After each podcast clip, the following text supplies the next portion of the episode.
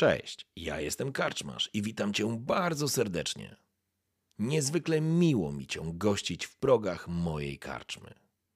A teraz usiądź wygodnie, odpręż się i daj porwać się historii, którą mam do opowiedzenia.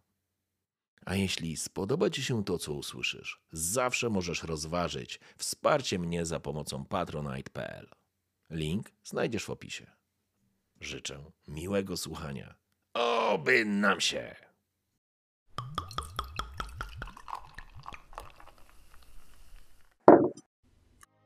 Wróćmy na to wzgórze, niedaleko tej świątyni Tana, na którym to doszło do, no, do ciekawych wydarzeń.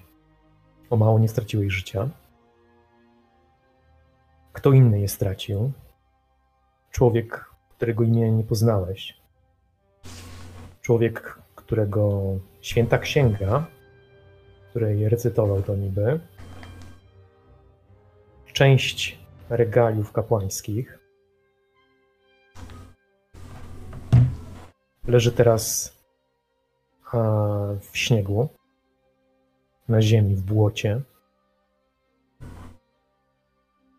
wychodzonym przez ludzi. Podobnie jak z.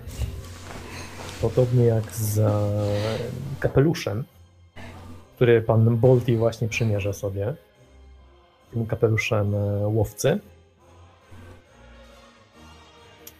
No i co? Dziewczynka razem z tą e, starszą kobietą zniknęły w lesie. Pan Schmidt, kierując się za Patrykiem, e, zaczął zjeżdżać ze zbocza. Słychać gwizdy mm, lub po prostu gwizdę Kalsanaja. Słychać szczekające psy. Pozostałe postacie, takie jak Nergisz, Wurst,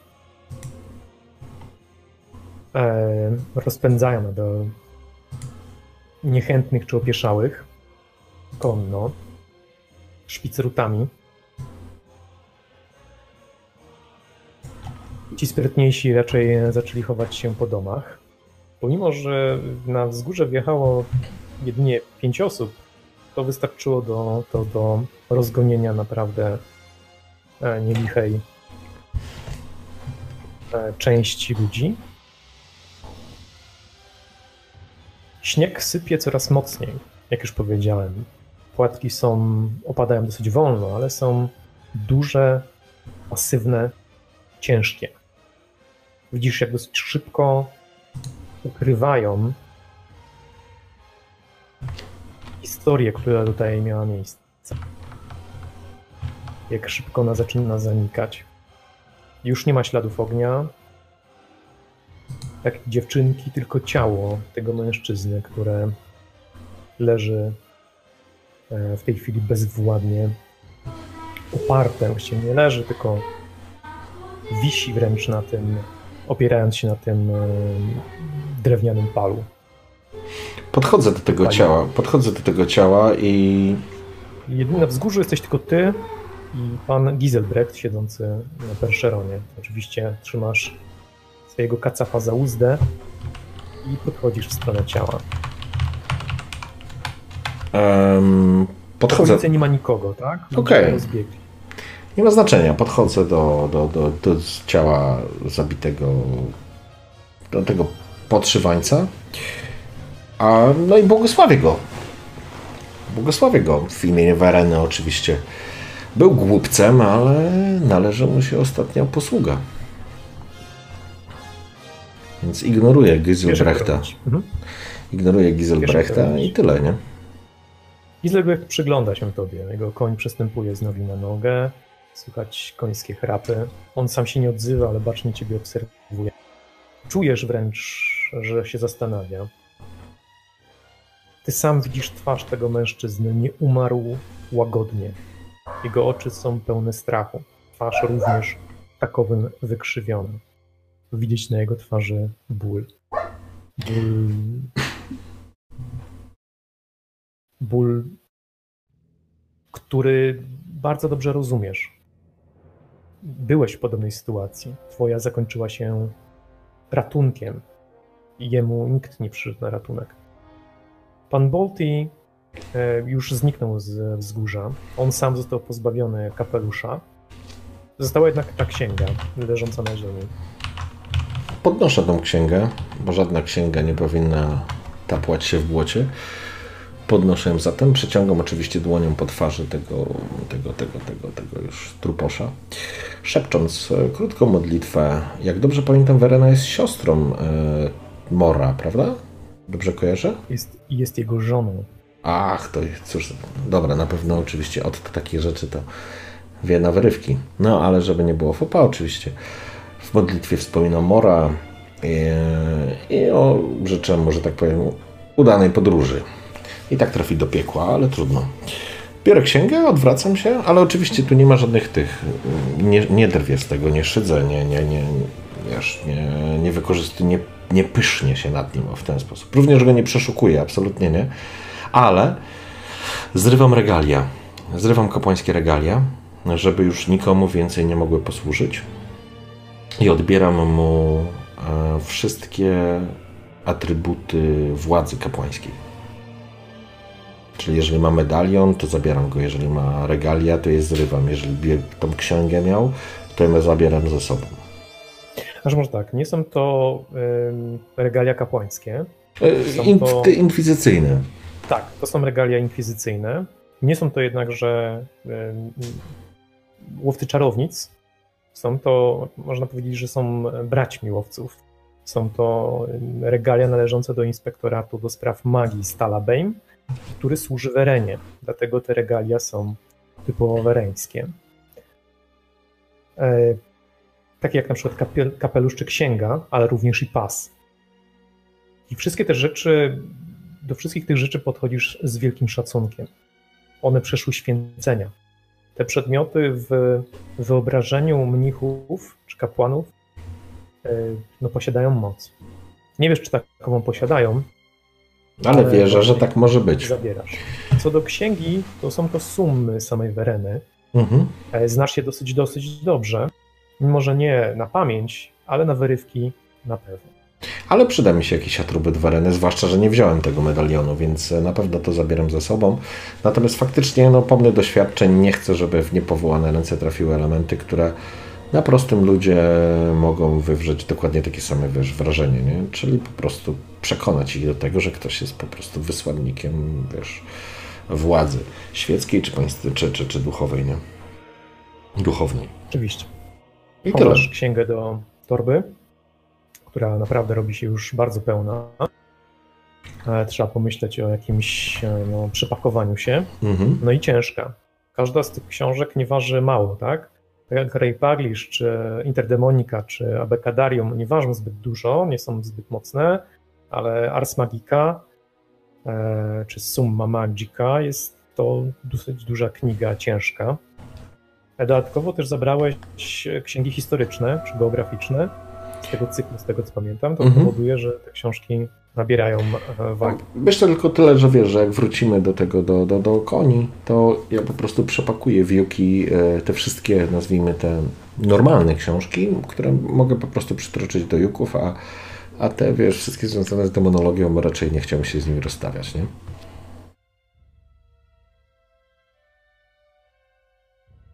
Bo... Rozumiem. Różni Jeśli ludzie mogą patrzeć.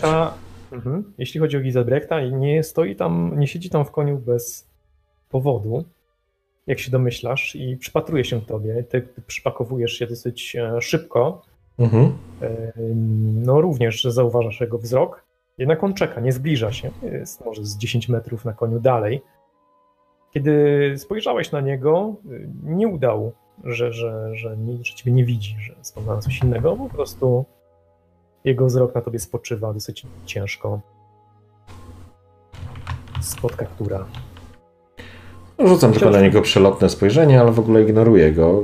Po czym wskakuję na koni i, i zjeżdżam, bądź sprowadzam go na dół do reszty. Mhm. Ostrożnie zaczynasz zjeżdżać, a Giselbrecht obok ciebie. Widać, że chce zacząć rozmowę, ale najwyraźniej nie wie jak. Wyczuwasz to instynktownie. Nic nie mówi, jeżeli się nie odezwiesz.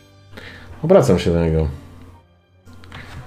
W, w czym mogę ci pomóc, poczciwy Giselbrechcie? Mam wrażenie, że chcesz o coś zapytać, więc pytaj.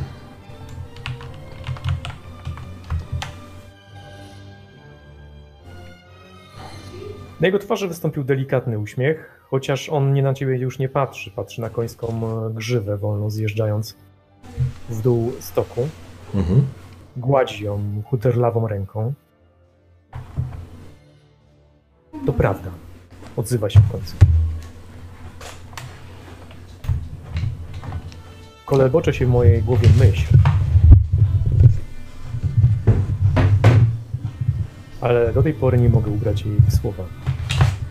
Tobie zabrakło słów? Nie wierzę. Takie rzeczy się nie zdarzają. Komu jak komu. Panie Giselbrecht, uśmiecham się. Przejdźmy po prostu do rzeczy.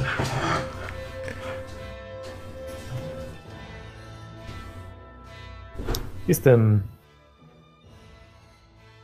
niezdecydowany. Zna pan pojęcie dyferencjału? Nie, ale z pewnością pan mi je wyjaśni.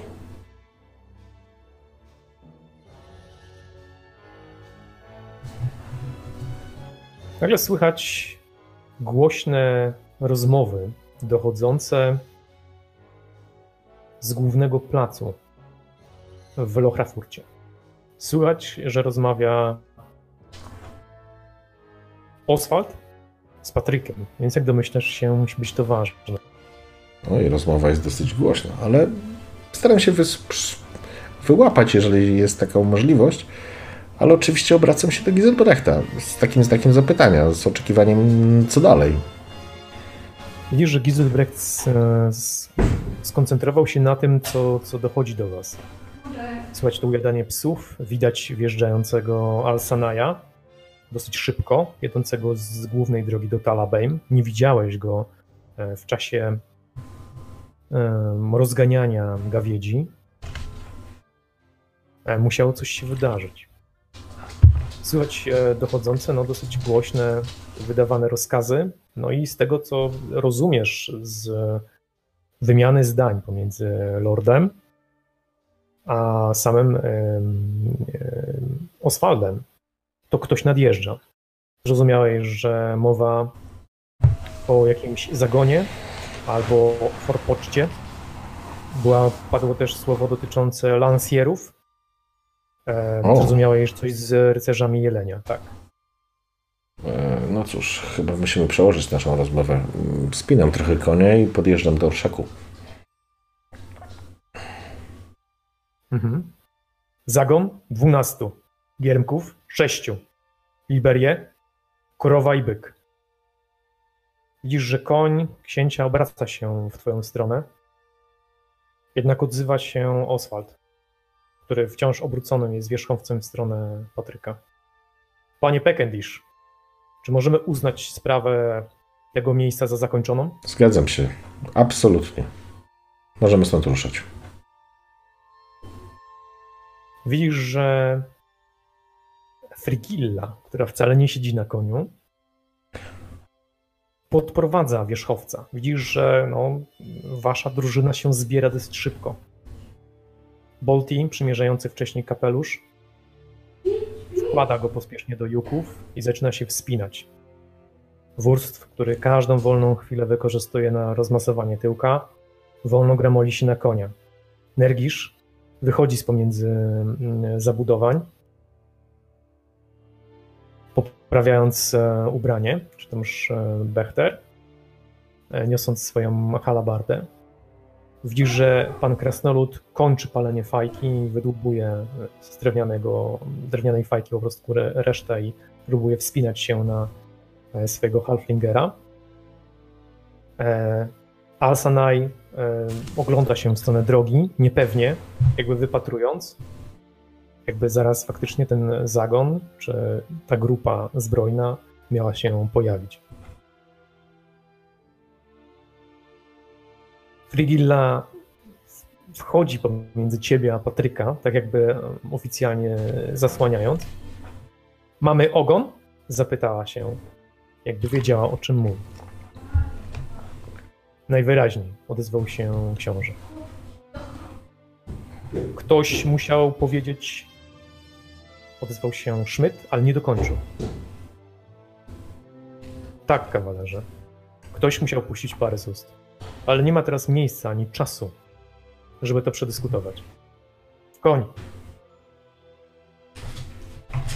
Dosyć szybko zaczęliście się kierować w stronę tego wzniesienia. Jednak przy samej świątyni odbiliście w las w prawo, nie korzystając z żadnej ze, z dróg. Może przez moment kroczyliście polną ścieżką, przysypaną naturalnie śniegiem, więc ciężko byłoby stwierdzić, że łagodna jazda pozwalająca przemieszczać się pomiędzy drzewami mogłaby o tym świadczyć, że musiała tutaj być jakaś wydeptana nieopodal samej miejscowości ścieżka. Ogon musiałby być ślepy, żeby nie zauważyć wydeptanej tej, wiesz, tej autostrady, którą za sobą zostawimy, ale no okej. Okay. Ja się tam nie wtrącam, po prostu nie znaczy mówisz to, czy znaczy to są twoje myśli, czy jak rozumiem chcesz o tym podyskutować podczas jazdy? Nie, myślę, że teraz wszyscy się już spinają, więc głupio mądrego będę grał później. Jedźmy. Okej. Okay. Ale Wjeżdżacie... jest Giselbrecht gdzieś w zasięgu oka? Mo może być. On jedzie na końcu z panem Krasnoludem, więc po prostu możesz zwolnić i mhm. To zwalniam. Zatrzymać się, tak, Zwa żeby z nim móc rozmawiać. Mhm. Zwalniam, żeby po prostu z nim się zrównać. Panie Giselbrecht. Mijasz Frigille i mijasz Schmidta. Oczywiście uśmiecham się uroczo, kiedy ją mijam. E, po czym staram się zrównać, kiedy mi się to udaje. Wracam się do pana Giselbrechta. Panie Giselbrecht, nie jestem tropicielem, ale mam wrażenie, że nasz pochód, nasza cała karawana zostawia za sobą olbrzymi ślad. Tylko ślepiec by nie zauważył, czy zna pan jakieś techniki, które umożliwiłyby nieco zasypania albo zmylenia tego tropu? Isaac Brecht e, oczywiście słuchał ciebie uważnie, po czym zwolna spojrzał do góry na padające coraz mocniej płatki śniegu, a potem znów na ciebie. Może przyroda nam tym razem pomoże. Na pewno Lord Patryk ma jakiś plan. Rozumiem. W porządku. Jeśli ma pan jakieś propozycje, to uważam, że powinien ich Lord wysłuchać. Nie, nic konkretnego. Moja specjalizacja nie uni uniemożliwia mi pewne działania, ale z kolei pańska być może akurat na nie się otwiera. Ostatnią przyrodę pamiętam z wielkimi zębiskami, wielkimi ślepiami i niespecjalnie nam chciała pomóc, ale skoro jest pan przekonany, że te chmury wystarczą, nie jestem traperem, tak jak powiedziałem. Zatem w drogę! Jakby nie, nie kontynuował tej rozmowy nie wchodząc w szczegóły, ale oddaliłeś się znowuż od Giselbrechta, minąłeś pana Szmyta. E, Krasnolud miał jakieś uwagi podczas twojej rozmowy, czy raczej na koniec twojej rozmowy. Od to! Mm, Malawa, co tam? Nudzisz się, widzę. Nic nie rozumiem. Tłumacz. Masz wszystko tłumaczyć. Chcę wiedzieć, o czym rozmawiacie. Nie znoszę, jak ludzie spiskują. No cóż, mam ci powiedzieć, spiskujemy. Cały czas spiskujemy. Ogon mamy, malawa. Gonią nas. No gonią. I, no i co? Wygląda na to, że nie chcemy, żeby nas dogonili. Bo mogą pokrzyżować nasze plany, zatem ruszamy. A ten tutaj magik uznaje, że te chmury załatwią sprawę naszego tropu. Hmm, może i załatwią. No. Nie jestem traperem. Mam przeczucie, że jednak nie załatwią. Ja swego czasu tropiłem grubego zwierza. Aha. I co? Nazywał się North. Gigant. A, trudno nie zauważyć śladów giganta. nawet w śniegu, bo w takim przyszło mi się bić. I co? Piękna rzecz. Zaciukałeś go. Zaciukałeś giganta. Osypałem na niego kamienie. Co by nie myślał. Potem cisnąłem topór, żeby się zbliżyć. I wtedy, gdy poczułem jego krew, dotknął z ostrza jednego z toporów. Jak pamiętasz, ostrze jest obusieczne. Wówczas zacząłem po nim włazić. Gdy on skupił się na bólu, zbliżałem się coraz wyżej. Dostrzegł mnie. Użyłem noża, by wznieść się coraz wyżej. Piękne, piękne. No i opowiada o tym, jak walczył z gigantem. Mhm. Zachwycając się całą walką, jakby to było zdobywanie jakiegoś wzniesienia, czy, czy, czy jakaś sztuka teatralna. Nic, potakuje głową. No ale jakby w kontekście tego wynika, że ten przy długiej tej opowieści wynika, że ten gigant po prostu zginął. No nie dał rady, rozumiem. Y, Poki, wiesz, potakuje głową z uznaniem. Nieźle, nieźle. E, Po czym... Po czym... Są to jednak słowa szaleńca. On, on, on opowiada to w taki sposób, jakby był owładnięty tym. E, Jakby. No jest to typowe, tak? Dla, dla osób e, szalonych, zafiksowanych na, na czymś konkretnie. No bo jest szalony, no co to dużo gadać, no. Ale oczywiście ja... pasję. Ja, tak, każdy ma swojego hobbzika. Malawa ma hobby. Nie, nie, ale oczywiście, nie, nie, tu ja się z niego nie nabijam, absolutnie. Z uznaniem potakuję głową, wyszczerze zęby, będziesz być może miał okazję znaleźć twardszego przeciwnika, na którego zabawy z nożem niekoniecznie muszą dobrze zadziałać, ale kto wie, kto wie. A teraz ruszajmy, bo lancerzy nam dupę przetrzepią. Wzniesienie. Wolno opada w stronę tego północnego lasu od Lochrafurtu. Tutaj nie ma drzew.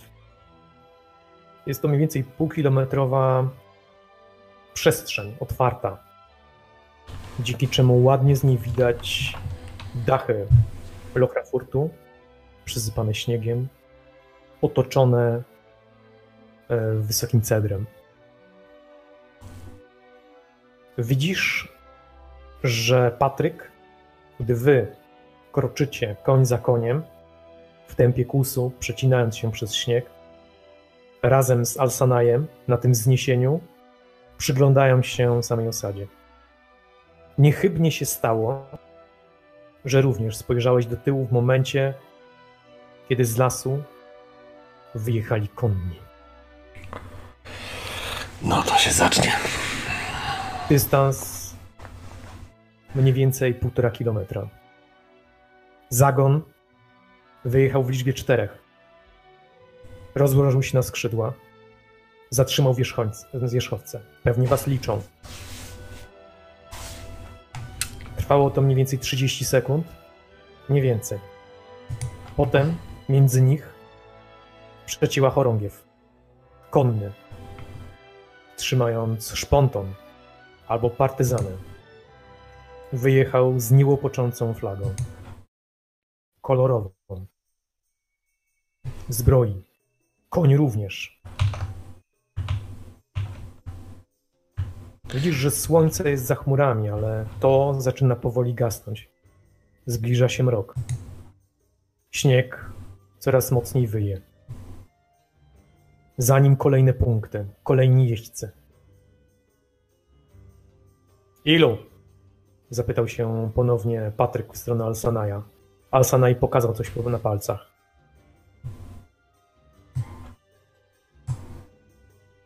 Zaczął zjeżdżać bez słowa ze stoku, a Alsanaj na nim został. Psy zaczęły szczekać. Ja oczywiście, Wyprzedził ciebie. Mhm. ja staram się oczywiście tam, wiesz, do kobiet i dzieci i taborów, nie?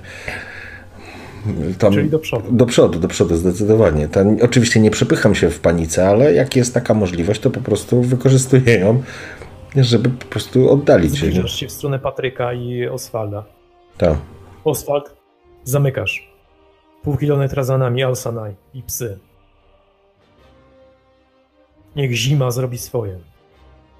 Jeśli chodzi o Alsanaja, niech spróbuje odciągnąć ich. Spotkamy się przy Karawanaraj. Tak jest. Oswald obrócił wierzchowca, minął ciebie i Frigillę i zaczął jechać do tyłu. Gwizdnął ze zjeżdżającego ze stoku do Alsanaja i ten skierował się do niego razem z psami. Pamiętaj, że koni dodatkowo macie ze trzy. Są to halflingery, które ciągną wasze rzeczy. Nie naturalnie wasze konie również są objuczone, Mhm. ale macie też wolne, wolne wierzchowce. Wiesz, no, Wówczas Patryk spiął konia. Nie zacząłem. zatrzymujcie się! Krzyknął w stronę twoją, w stronę jadących za tobą żołnierzy. Po czym Spinał oczywiście mocno. konia i jazda. mocno konia i ruszył przed siebie. Pamiętaj, że jedziecie bezdrożami. Naturalnie ten stok wydaje się być łagodny, ale tak samo dla was, jak i dla nich. Staram się w każdym razie mm, jechać śladami Patryka, nie? Bo on jest na przedzie, jak rozumiem, i jakby przeciera szlak. Zatem ruszam za nim. Zgadza się. Będę wymagał do ciebie dwóch testów. Zaczęłaś. E, Pierwszy test to jest test odporności. Odporności mam w cholerę jak koń, także tam nie ma problemu. Odporności mam panie 47. Rzuć, potem będziemy liczyć najwyżej, Dobra, luz. brakować. Nie no, przecież rzut będzie fantastyczny, więc... 67, nie wierzę. Cudownie. Cudownie. Jak zwykle. Okay, o ile wchodzę. sukcesów ci nie wyszło, Słuchaj, no mam o- o 20, jak rozumiem, tak? 40, sz- e, sorry, mm, odporność mam 4, tak, dokładnie 20 Okej. punktów. Jeżeli żadne umiejętności w to nie wchodzą, no to no to dupa. Okej, dobra, drugi rzut. Drugi rzut będzie wynosił, tada, Drugi rzut jest na zręczność. 66. Dobra, nie dość, że mi dupa odpadła, to jeszcze spadłem z konia. Masz dwa punkty szczęścia, pamiętaj. No dobra, słuchaj, to wiesz co, to spróbujmy jeden punkt szczęścia na przerzut, tak? Rozumiem, że to wtedy pozwalasz mi przerzucić. 17, jest.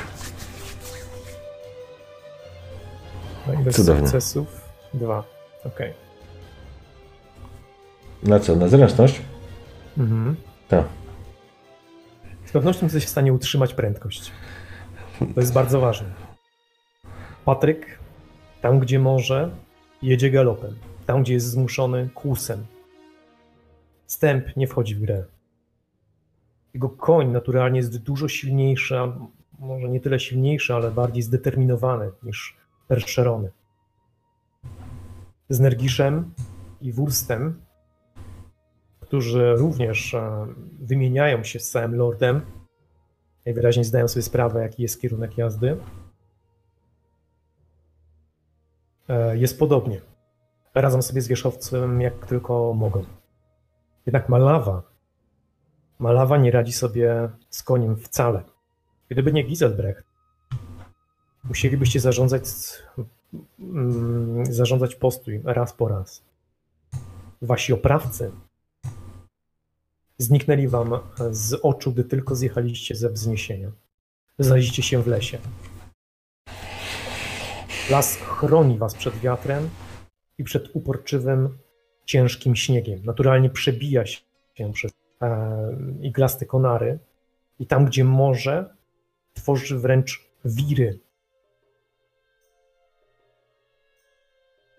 Tworzy wręcz e, wiry śniegu które tańczą na otwartych przestrzeniach. Tworzy biały szkwał w miejscach, gdzie może sobie na to pozwolić. Rozbija się o ściany drzew. Unosi się niczym fala śniegowa, żeby zaraz opaść. W miejscach, gdzie wiatru nie ma, widać krystalizujące się fragmenty lodu, skrzące się na umierającym słońcu, bo robi się coraz ciemniej karawana Seraj musi być niedaleko. Przynajmniej tak wynika z rozmowy Nergisza i Wursta. A jak domyślasz się, oni gadają. Słyszysz Frigillę, która błaga swojego ojca, żebyście zawrócili. On jednak nic sobie z tego nie robi.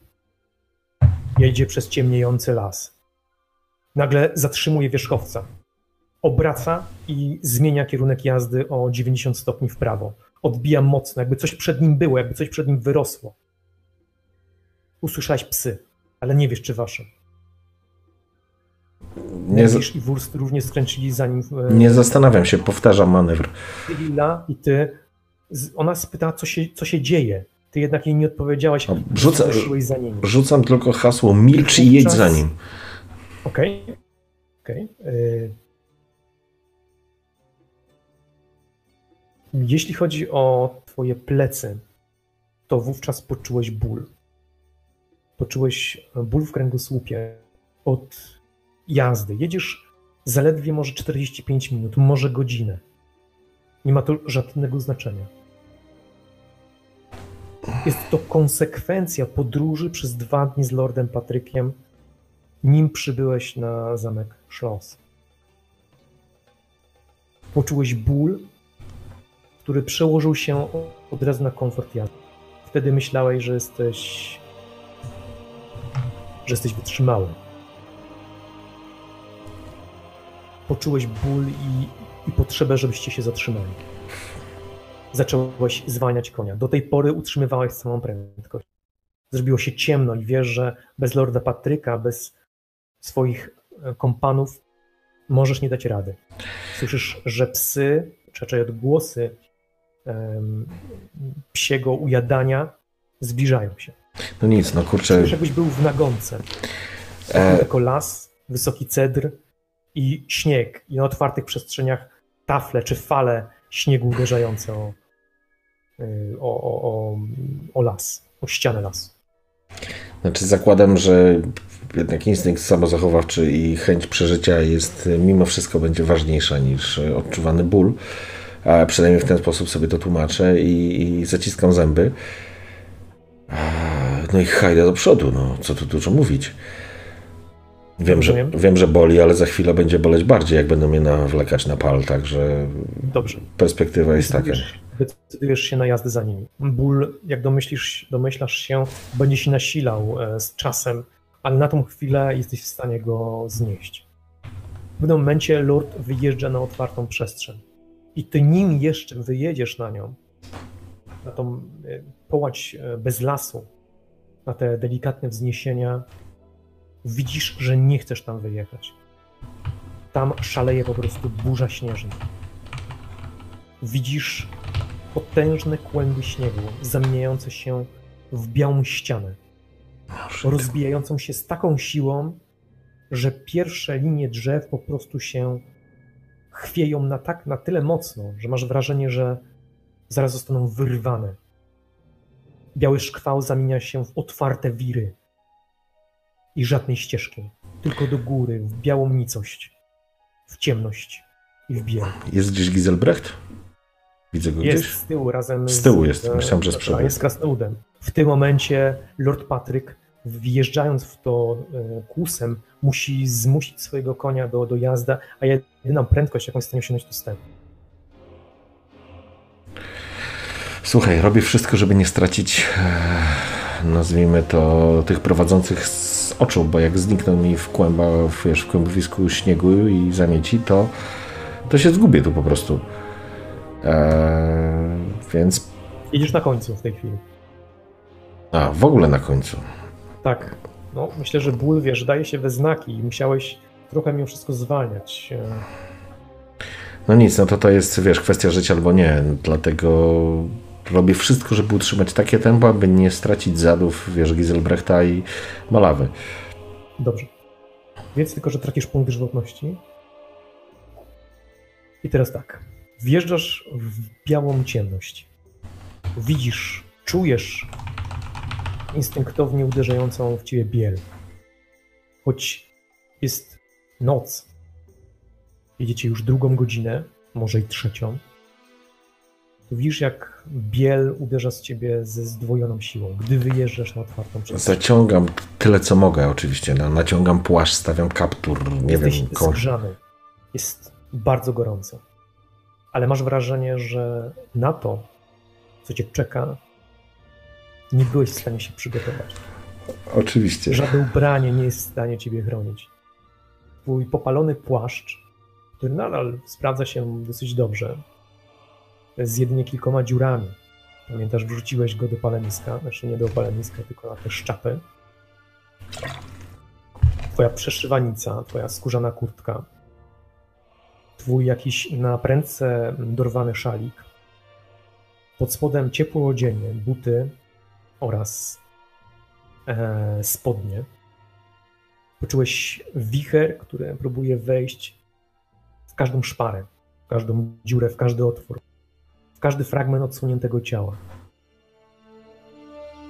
W takich sytuacjach nie pozostaje mi wiele. Po prostu zaczynam się modlić po cichu w głowie i zaciskać zęby i hajda do przodu. No. Dobrze. Teraz wykonasz dwa testy kolejne. O, super. Pierwszy jest, to jest na ogładę, drugi jest na O. inteligencję. To mam dosyć wysoko, więc... No dobra. Na co najpierw rzucamy? Wybierz, wybierz sobie bez znaczenia. No To dobra, no inteligencję rzucamy. Ha, kurczę. Jest! Dobra, nie musisz rzucać na ogładę.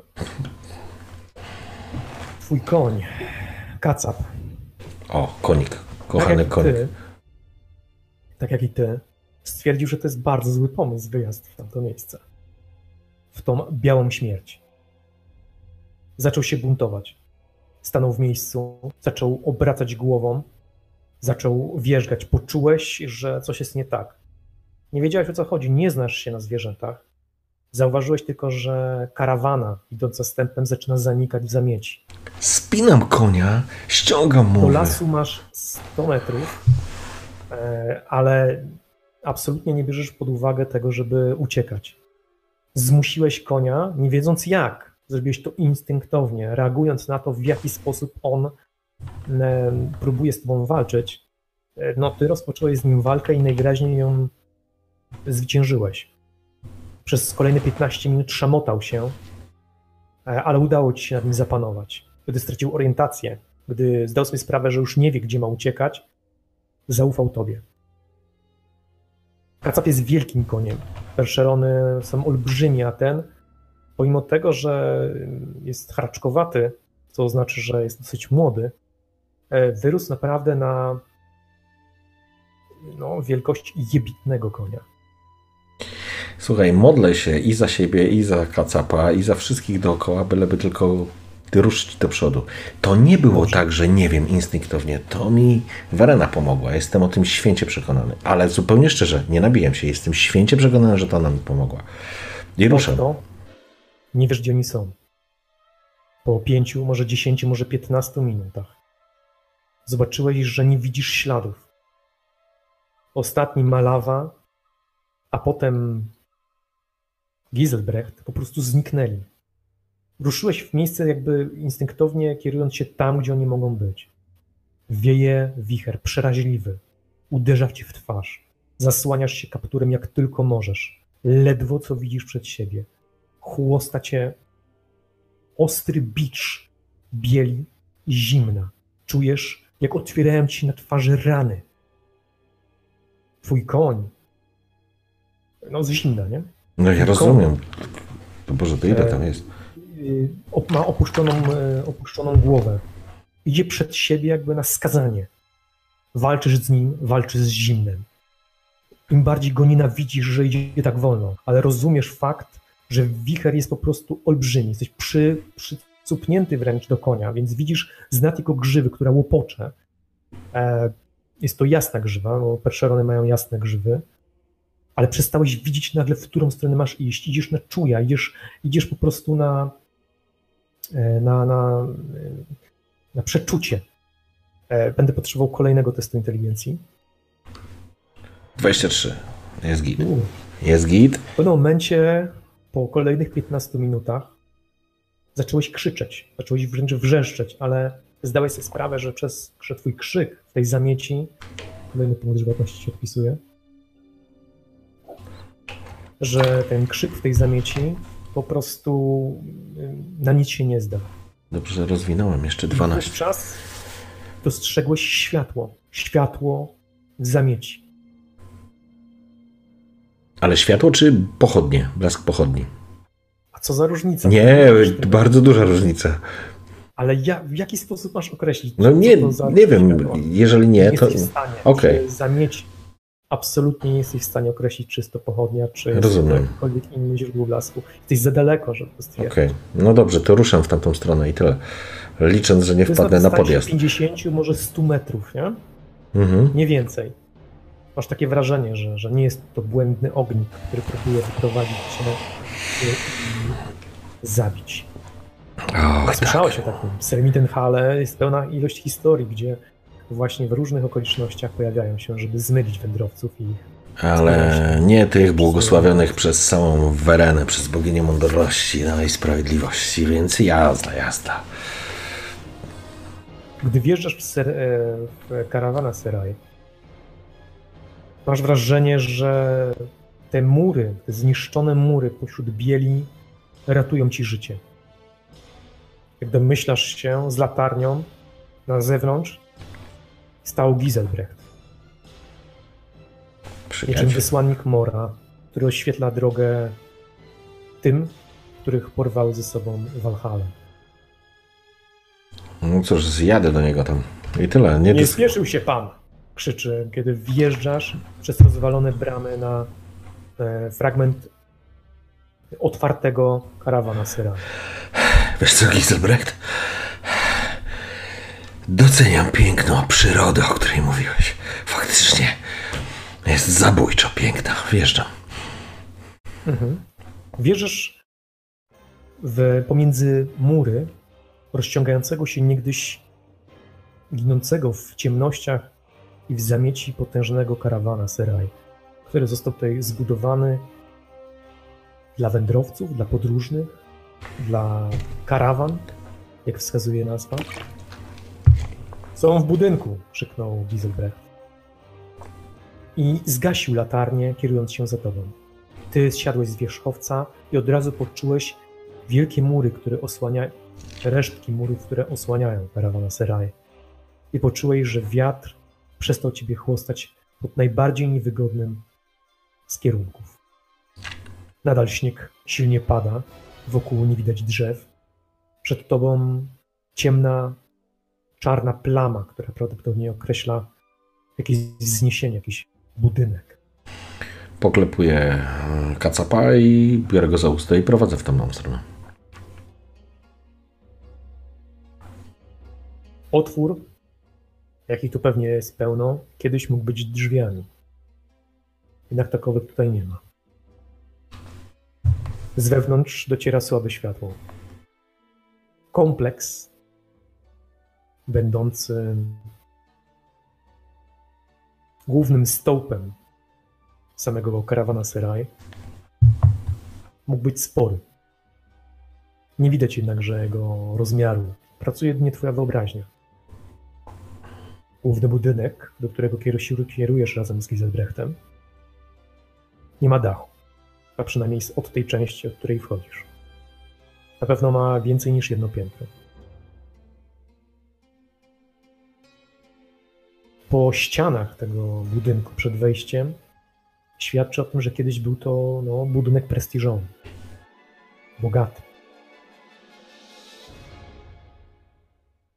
Wewnątrz znajdują się konie. Ktoś rozpalił w drugiej izbie, przy której nie ma dużej części ściany, kominek, który najwy- najwyraźniej nie uległ zniszczeniu. Nie wiesz, którędy wydobywa się dym, ale w kominku płonie ogień. Na ogniu rondle pana Boltego. Czuć zapach zupy, ziół. Czuć zapach kawy Giselbrechta. Słychać śmiech w ustach. Pochrapywanie malawy. Nie wiesz, jak długo błądziłeś w bieli, ale oni najwyraźniej zdążyli się już tutaj zadomowić. Giselbrecht wszedł do środka i dostrzegłeś, że nad wami, w otwartej, ziejącej dziurze, gdzie w miejscu dachu, widzisz z niezwykłym pędem i prędkością wyjący wiatr i śnieg, oświetlany płomieniami ogniska, czy ogniska w kominku. Jesteście w oku cyklonu. W oku cyklonu. Jeżeli ci jeźdźcy nadal was szukają, to marne ich szanse, żeby was znaleźć. Wchodzisz do głównej izby, pozostawiając swojego nieosiodłanego, czy nie rozsiodłanego, nieoporządzonego wierzchowca w miejscu, gdzie znajdują się inne konie. Takowe zostały dla nich przeznaczone. Dwie y, izby, przy których po prostu y, można było je tam umiejscowić. Część z nich ma żerć, część nałożone jakieś um, jedzenie w workach. Ty sam wchodzisz do miejsca, gdzie przygotowane jest już wszystko e, do spania, do odpoczynku, do biwakowania. Widzisz rozłożone sienniki, rzuconą broń, zdjęte pancerze. Słyszysz żarty wursta, widzisz nawet uśmiechniętego e, Oswalda. Nie widzisz jednakże ani Frygilii, ani księcia Patryka. Pozostali tutaj są. Alsanaja jedynie jeszcze nie ma. O! Pan Peckendish. W końcu pan dotarł. Cieszę się, że pana widzę. Trochę się martwiłem, odezwał się Oswald. Stał, opierając wcześniej ręce o swoje kolana i ruszył w twoją stronę. Widzisz, że wszystkie twarze są czerwone. Wszyscy, wszyscy grzeją się przy kominku, rozgrzewają się w siennikach, rozcierają ręce i piją gorące napoje. Bolty, zagrzej panu coś ciepłego. Oczywiście. Ruszył w stronę paleniska. Widzisz, że sam Bolty idzie w bardzo wysokich, męskich, ludzkich butach, które sięgają mu aż po pachwiny. Śmiesznie przerobione tak, że mógł w nich kroczyć, tworzący coś w rodzaju pancerza, w których e, znajdują się jego nogi. Rozbieram się, ściągam te, wiesz, rzeczy. Rzeczy są mokre i tak jak e, domyślasz się, można je gdzieś rozwiesić, Mhm. jak i pozostałe rzeczy. Tak zrobiłem. Rozwieszę Sam, te e, rzeczy i, i po prostu dosiądę się do, do przy kominku, usiądę albo tam do paleniska podejdę, nie? Nie od razu, tak? Roz, tak, rozwieszonych, rozwieszonych Mhm. rzeczy w międzyczasie, gdy Bolty em, zagrzewa tobie coś do jedzenia i rozwieszasz obok wiszących i suszących się kartek e, wyjętych z wnętrza książki należących do pana Kellera, bo jak domyślasz się, te wszystkie znaki i opisy medyczne muszą należeć do niego, wieszasz swoje ubranie, zdejmujesz koszulę i wówczas patrzysz na swoje e, osłonięte rękawicami dłonie. To musiał być grat. Jesteś cały poobijany. Rozcierasz twarz, szukając ran, ale takowych nie ma. Może zimno nie pozwoliło lecieć krwi. No nic, w każdym razie mm, no staram się, wiesz, ogrzać, ale też nie od razu. Nie siadam, nie wkładam rąk do ogniska. Staram się po prostu odtajać. Mokre rzeczy rozwieszam i no gdzieś tam po prostu przysiądę, czekając aż Bolti coś tam przygotuje. Mm, Ewentualnie zaczepiam Kellera. Panie Keller, czy coś ma pan na odmrożenia? Mhm. Może w takim razie opiszę, co pozostali robią. Wurst i Nergisz rozmawiają głośno i się śmieją. Nergisz leży w sienniku, uśmiecha się, domyślasz się, że monolog prowadzi Wurst, opowiadając jakieś sprośne historie. On znalazł jakiś taboret czy kawałek stołka i na nim usiadł. Czyści w tej chwili pancerz. Bechtery wiszą i się suszą. Sam e, Nergisz w międzyczasie czyści swoją broń. Ten dziwny, krzywy miecz. E, Coś na szy, ale na pewno nie możesz sobie przypomnieć. E, Nie jest to naturalnie szabla, jest to coś podobnego, ale nazywa się inaczej. Szam... coś z szamem, ale nie jesteś w tej chwili pewien. Co do Kellera, o którego pytasz, to rozwiesza nadal same kartki książek i zbiera te, które są e, już suche. Pomimo tego, że większość jest, mężczyzn jest półnaga, znaczy na tyle, żeby nie było im zimno, ale rzeczy, które przemokły, w tej chwili się suszą. Śnieg nadal na was pada, ale w dużo mniejszej ilości. Są tutaj miejsca, gdzie nadal pozostał dach, czy jakieś strzępki wyższych pięter, które was zasłaniają. E, co do Oswalda, no to zarządza, stara się zarządzać wszystkim. Nadal nie zdjął pancerzy poza hełmem. E, I no, rozdaje rozkazy w taki sposób, żeby wszystko zostało dopięte. A to najwyraźniej już się e, wydarzyło. Wciąż nie ma Alsanaja. Twój przyjaciel Krasnolud pali naturalnie fajkę e, i coś mruczy sobie pod nosem, jakby opowiadał sam sobie jakąś historię w jakimś cieniu, spoglądając na ogień trzaskający w kominku. Jeśli chodzi o Boltiego, no to przyrządza tobie e, jedzenie i zaprasza ciebie oczywiście w momencie, kiedy widzi, że jesteś już gotowy. Tak. Jednak zmierzasz w stronę, w stronę Kellera Frigilli oraz Lorda nie widać. Nie, nie rozglądam się nawet za nimi. Wiesz, ja zajrzałem śmierci w oczy, więc... Giselbrecht usiadł również na swoim sienniku e, i e, chwycił za kubek z kawą. Przygląda się tobie cały czas. Jego oczy, jak się domyślasz, cały czas za tobą wodzą spod kaptura, którego również nie raczył zdjąć. Kierujesz się w stronę Kellera, który siedzi, stoi w pantalonach i zdejmuje kartki ze sznurka. Panie Keller, ma pan coś na odmrożenie? Oczywiście, pani Peckendish. Zaraz coś panu przygotuję. Fantastycznie.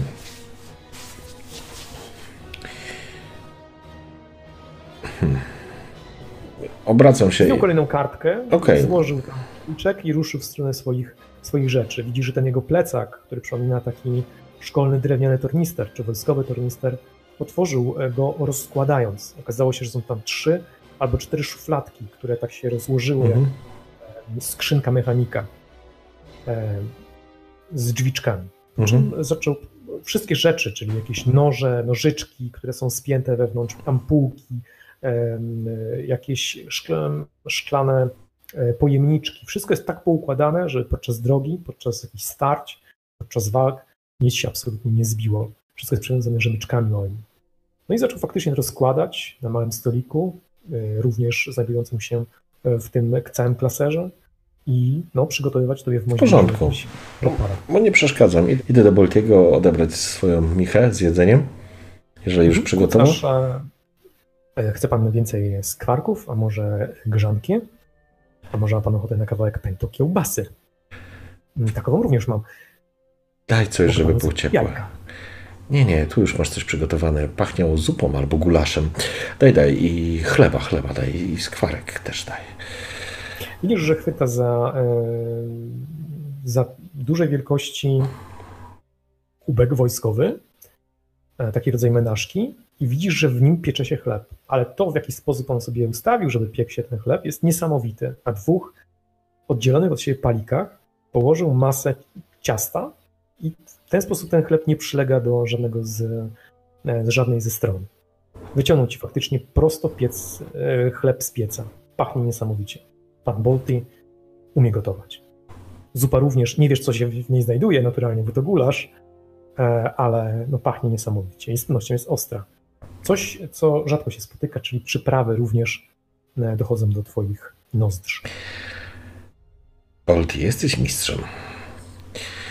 E, odbieram oczywiście tą swoją michę z jedzeniem i kieruję się do Giselbrechta, żeby usiąść obok niego. Od razu e, chwyciłeś i zacząłeś e, coś ciepłego pakować do ust, tak żeby chociaż trochę się rozgrzać. Pamiętaj, że nadal jesteś zmarznięty piekielnie. Masz skostniałe palce rąk i nóg. Dobrze, że nie szczerniały, chociaż masz wrażenie, że zostałbyś tam jeszcze godzinę, dwie i musiałbyś amputować. A to potrafisz robić. Pamiętaj, że ty również znasz się na leczeniu e, i korzystając z tego urządzenia, czy raczej tego tornistra, które posiada e, z lekami e, Keller, mhm. również potrafiłbyś zrobić różne rzeczy, tak? Przygotować i, i leczyć i, i, tak dalej. Rozumiem. Kierujesz się w stronę pana z Gilberta. Kiedy podchodzisz do niego, kiedy mijasz rozmawiającego kiełbasę, panie Pekennik, odezwał się do ciebie sierżant kiełbasa. Wracam się do niego. Powiedział tak, y, patrząc cały czas w ogień, ale chwycił ciebie za płaszcz. Czy może nie za płaszcz, ale za fragment, płaszcz zdjąłeś, za fragment y, twojego, twoich spodni. Czy też pantalonów. Jego twarz zrobiła się surowa, już nie roześmiana. Dzięki, panie ekspert. Dzięki. Nie patrzy na ciebie, tylko trzyma cię, siedząc na tym stołku za fragment odzienia, gdy przechodziłeś obok niego. Mm, Czy to brzmiało ironicznie? Nie, nie wydaje ci się. Brzmiało dosyć prawdziwie, choć yy, ciężko mu przeszło przez gardło. Mhm. Spoglądam się, tylko rzucam, wiesz, wzrokiem na niego. On również wtedy obrócił twarz na ciebie Mhm. i wasze wzroki się spotkały, ale jego tylko jest oświetlone, on nie widzi twojej twarzy. Widzisz za to jego oczy w nalanej, ciężkiej mordzie, kaprawej. Jak jego oczy są. są świńskie, ale jest w nich jakaś iskierka inteligencji i jakaś emocja. Emocja, którą ci ciężko teraz zdiagnozować. Ale człowiek ten faktycznie w ten sposób okazuje wdzięczność. Nie wiesz za co, ale wiesz, że za coś jest wdzięczny. Mogę się domyśleć za co. Kiwam tylko głową, tak żeby zauważył. Mhm. I ruszam dalej do Giselbrechta. Iselbrecht e, wciąż cię obserwuje, ale w momencie, gdy się zbliżasz, e, jego wzrok pada na czymś całkowicie innym. E, Na swojej kawie. Mm, Kawa pachnie pysznie, ale nie może wygrać z tym gulaszem naszego mistrza. Może wrócimy do naszej rozmowy. Oczywiście nie, nie łykam gorącej tej. Staram się po prostu, wiesz, ogrzać, nie? Więc trzymam tą gorącą miskę, tak żeby się, wiesz, odtajać. Myślę, że w międzyczasie ten gorący chleb z pieca e, poparzyłeś się już nim, e, ale mimo wszystko było warto. E, Giselbrecht w tym czasie spojrzał na dziurę ziejącą nad wami, e, przebiegającą przez kondygnację, jakby spadła tutaj kometa. Spoglądając na jakiś cień, i wzrok podążył za nim i dostrzegłeś tam Lorda Patryka stojącego na prawie na otwartej przestrzeni. Tylko krok dzieliłby go od spadu i chłodu i zimy. Widać go w ciemnościach, tylko jego zarys. Wtedy do pomieszczenia wchodzi Frigilla, która ma rozchełstaną koszulę i widzisz, że wyciera jakąś szmatą lub fragmentem odzienia swoje włosy. Mija oczywiście wszystkich pogardliwie, a on spogląda znów na ciebie, mówi o Giselbrechcie. Mhm. Naturalnie w tym świetle i w tym miejscu wygląda upiornie, idealnie pasuje do tego miejsca.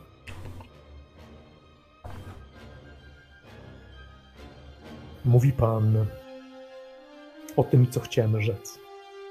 Przemyślałem to sobie i wiem, co chciałem powiedzieć. Mhm. Lecz nie wiem, czy jest to warte zachodu i czy jakiekolwiek moje emocje będą miały dla pana jakiekolwiek znaczenie. W końcu nie jesteśmy tutaj po to, żeby się zaprzyjaźniać. Zgadzam się, panie Giselbrecht, ale pewnie będziemy stawiać wspólnie czoła wielu różnym wydarzeniom, kłopotom i przeciwnościom losu. Warto zatem wiedzieć, że ten ktoś, kto stoi za pańskimi plecami, raczej powodowany jest pozytywnymi przeczuciami czy emocjami względem własnej osoby, aniżeli negatywnych, więc proszę mówić. Tak jak rozmawialiśmy na początku, prosto z mostu.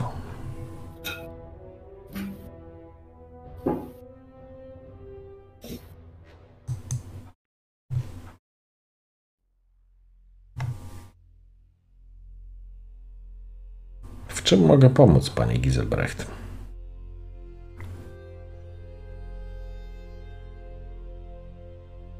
Nie, nie zrozumieliśmy się. Nie musimy panu w niczym pomagać. Chodzi o to, co pan powiedział wtedy tam. W Lochrafurcie.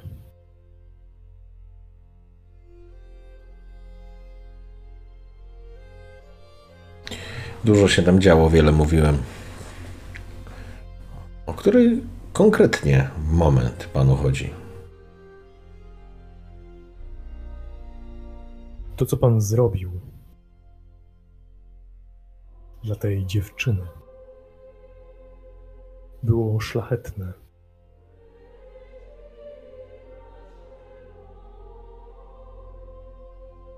Niepotrzebne, ale szlachetne. Tu się z panem nie mogę zgodzić, panie Giselbrecht. Jeżeli coś jest szlachetne, to zawsze jest potrzebne. I należy o tym pamiętać. Uśmiechnął się. Zadowolony chyba jakby z twojej odpowiedzi. Doprawdy. Widzę, że szykuje nam się dyskusja. Oczywiście, może popróbuje pan tego chleba, jest pierwszorzędny. A ja liczę w geście rewanżu na kubeczek kawy.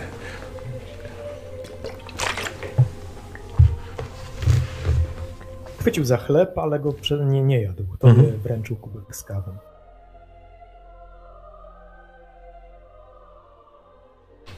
Zna pan moją opinię, wie pan, kim jestem. Apologeci rzadko interweniują w życie lub śmierć. Kolegium śmierci jest oschłe, wybrakowane, wyprane z emocji. To też moja osoba tutaj może pana dziwić.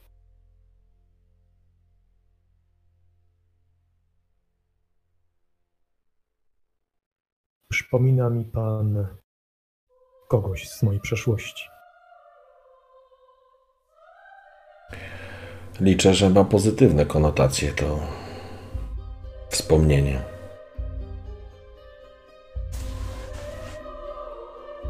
Teraz już tak.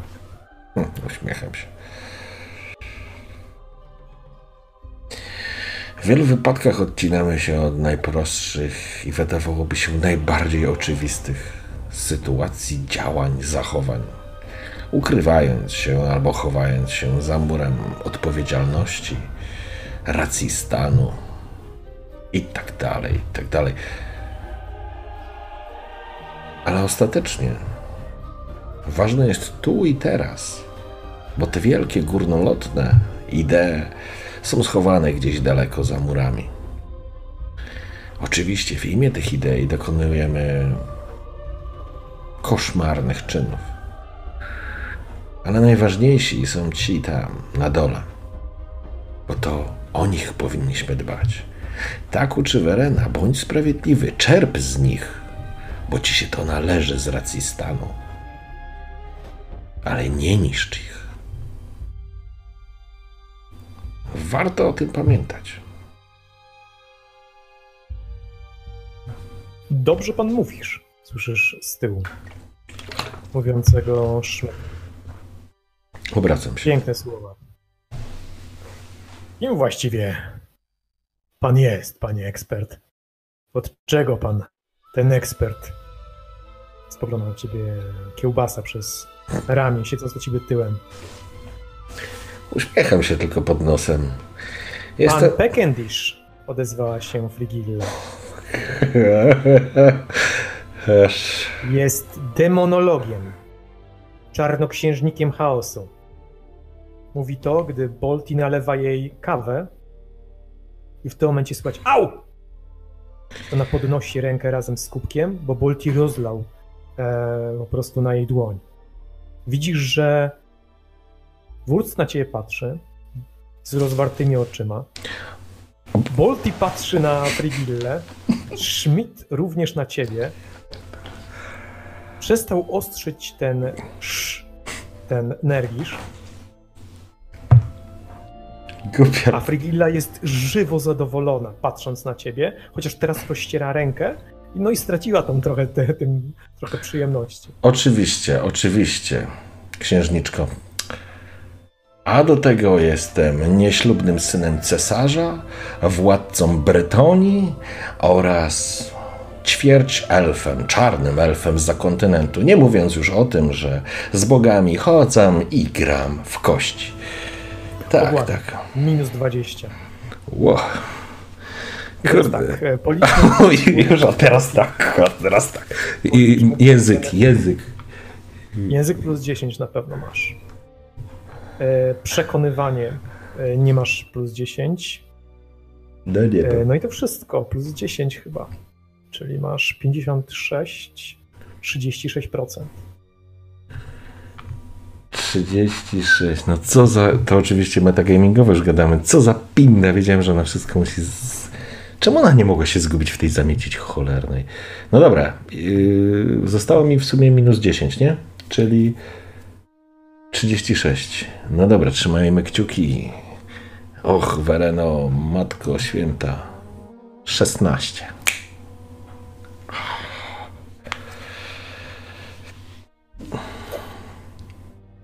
Przez moment masz wrażenie, że twoje twoje zgrabne kłamstwo, czy twój wykręt się nie powiedzie. Ale nagle zobaczyłeś uśmiech na twarzy Nergisza, potem na twarzy Wursta. Spojrzeli się na siebie porozumiewawczo i zaczęli się śmiać. Rozładowując tym samym atmosferę, Bolti również zaczął się śmiać. Keller, no, może się nie śmieje, ale uśmiecha się zdecydowanie, a Brigilla spaliła strasznego buraka i gniewnie wyszła do drugiego pomieszczenia. Nie ma oczywiście e, drzwi. Widzisz, że ty zwróciłeś swoją twarz w stronę Giselbrechta, on również jest uśmiechnięty. Winszuje. Świetnie zagranie. Siadam. Mogłyby być z tego nie lada kłopoty, powiedział szefem. Tak. Słuchać konia. Oczywiście słuchać rżenie, czy tam jakieś ciche odgłosy wierzchowców, ale no to jest wyraźne. Ktoś po prostu wjechał. I słyszysz Obracam głos Oswalda z góry. Łowczy. Niemała wjechał. Po czym zaczął schodzić jakby tupot ciężkich metalowych butów. Słychać na drewnianym, niezniszczonym fragmencie e, budynku. Zaczął zbiegać na dół. Również e, no, zerwał się pan Krasnolud, który chwycił za e, drzewiec topora, ale się nie ruszył z miejsca przy piecu, grzejąc plecy, ale gniewnie spogląda w ciemność, gdzie musiał się pojawić ten elf. Ja natychmiast, wiesz, Mowa wjechał, cholera jasna. Odezwał się e, e, Wurst. Nienawidzę tych parszywych elfów. Nigdy nie można im ufać. Ufać nie można nikomu. Odezwał się Giselbrecht, podał ci kubek z kawą i wstał. Proszę dokończyć. Chciałbym usłyszeć, co pan Oswald ma do powiedzenia. I ruszył w stronę wyjścia. Wiesz, że jakieś napięcie między tą dwójką musi być, chociaż nadal nie znalazłeś punktu wspólnego. w porządku, siadam, no nie będę robił teraz tam tłoku. Najważniejsze, że Frigilla jednak nie do końca jej się udało. Dopijam kawę wewnętrznie, o, świętując triumf. Keller, Keller usiadł obok ciebie O. i bez słowa zaczął nacierać fragmenty twojej twarzy, czoła, dłoni oraz dać ci, dał ci coś do wypicia. Coś, co śmierdzi jak amol, tylko że bardziej gęste. Ale na spirytusie. Domyślasz się, że tak. E, Panie Keller, co się znajduje wśród tych składników? Co nieco wiem na temat ziół i leczenia, a taka wiedza może mi się kiedyś przydać. E, Okej, słuchaj, ponieważ ja nie znam się na leczeniu, a. Keller się zna, Nie ma, nie ma E. problemu. Raczej chodzi mi o to, czy, czy Otto po prostu może, wiesz, może zna jakiś własny przepis, ale to jest medyk z prawdziwego zdarzenia, więc może czegoś się po prostu od niego uda mi nauczyć, nie? E, oczywiście, masz rację, ale tą wiedzę, którą on to przekazuje, raczej znasz. Znaczy wszystkie Okej. składniki e, może niekoniecznie znasz z nazwy, ale e, ich właściwości możesz zastępować innymi składnikami i mniej więcej wiesz, na czym polega ta receptura. Sam byś ją też również stosował. Wybrał dosyć e, prosty sposób, ale bardzo skuteczny na odwrażenia, na oparzenia i tak dalej. I mm, no, żeby jakby nie, nie, nie przedłużać, posiada on zestaw no, z wielu różnych ziół, naprawdę przydatnych. Spis ziół mogę sobie sporządzić, które się w środku znajdują, ale są różne rodzaje ziół i z nich różne efekty można otrzymać. Tak? Można kogoś otruć, uśpić, czy nawet uleczyć. Panie Keller, mm, teraz pewnie nie będzie na to zbytnio dużo czasu, ale chciałbym wrócić do naszej rozmowy z tej biblioteki. Pańskie notatki wówczas robiły piorunujące wrażenie i myślę, że mogą być swego rodzaju rewolucją dla otwartych umysłów. Widzisz, że zrobił się czerwony, nawet w tym oświetleniu to widać. A jego oczy są rozbiegane, na jego twarzy widać wstyd. Nie, to, to głupie. Kładę, kładę mu rękę na ramieniu, po prostu. Nie. Mhm. To przełomowe. Znalazł pan sposób, żeby rozwiązać problem większości mieszkańców Starego Świata i nauczyć ich postępowania w sytuacjach krytycznych, przynajmniej podstaw. To fantastyczne osiągnięcie, panie Keller. Wrócimy do tego i zgodnie z umową siądziemy również do naszych zajęć.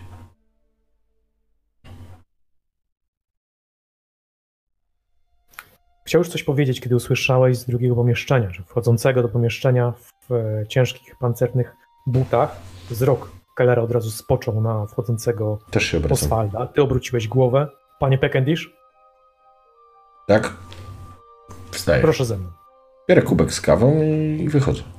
Jesteś nadal jeszcze, no, nadal chcesz się ogrzać, tak? A, rozumiem. A wchodzisz do zimnego fragmentu pomieszczenia, gdzie znajduje się e, skostniały Alsanaj, gdzie stoi e, No to zgarniam coś, czy są jakieś koce, derki, czy coś, żeby się po prostu narzucić na siebie. Tak, Narzucam tak, na siebie. Tak, tak. oczywiście na, na siennikach znajdują się e, koce, z których możesz skorzystać. Wchodzisz do ciemniejszego pomieszczenia. Nie widzisz w ciemności jak Patryk, ale na pewno on tam stoi. Widzisz go po, po gabarytach. Rozpoznajesz również chudogrubego Giselbrechta, który również tam stoi, razem we czwórkę stoją tam e, Giselbrecht, Oswald w tej chwili, razem wchodzący z tobą e, Patrick oraz Alsanaj. Konie Alsanaja gdzieś stoi przed wyjściem, nadal chłoszcze go zimny wiatr. Spoglądam, coś się stało. Patryk spogląda ciebie wchodzącego. Książę. Również patrzy, mhm. jeśli chodzi o Alsanaja, to patrzy na ciebie oczywiście, jakby był niewolnikiem.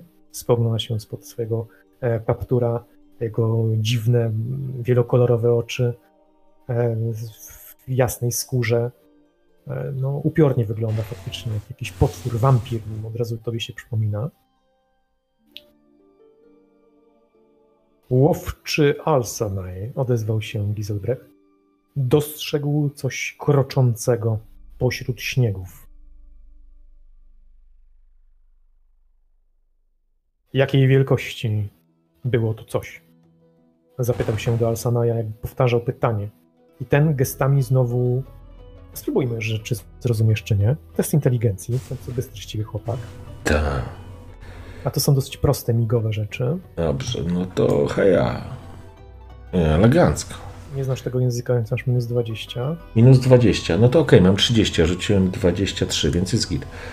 Możesz dodać sobie również do tego spostrzegawczość. Dlatego, że no jest to oparte na wzroku. Czyli na pewno wyszło. Pytanie teraz tylko, okay. co zrozumiałem? Zrozumiałeś, że faktycznie opisuje, niedokładnie będę mówił, tak? Mhm. Słowo w słowo i zdanie w zdanie nie będziesz rozumiał, ale będziesz rozumiał kontekst. Opisuje jakiegoś potwora, który szedł przez śnieg. Dużego, gigantycznego. Psy go wyczuły niedaleko. Kroczył niedaleko. To słowo kroczył jest tutaj bardzo nieostre. Mhm. Równie dobrze mogłoby to oznaczać coś innego. Jak pan myśli, co to może być? Zapytał się Oswald do ciebie. Patryk się oczywiście nie odzywa. No cóż. Ale jego ręka jest na kle. Eee, przywołuję do z pamięci wszystkie opisy, książki, wszystko, co, co udało mi się przez moje krótkie życie przewertować. Czy cokolwiek jest mi w stanie pomóc? Mogę gdzieś sięgnąć pamięcią, nie wiem, do opisu fauny i flory, nie wiem, do opisu monstrów, Możesz. które w tym okresie się... że Możesz rzucić na wiedzę e, Imperium. Jest to czysty test inteligencji. Okej. Masz dobre rzuty dzisiaj? 30. Ej, powinno wyjść. Jeżeli nie mam minusów, to wyszło. Nie masz żadnych minusów, nie. Nie masz żadnych minusów. Przychodzą ci do głowy tylko dwie istoty. Dwie istoty, które w ten sposób opisane przez Alsanaja mogą. No, koleboczą ci się tylko dwie istoty. Troll albo gigant. Z miną znawcy.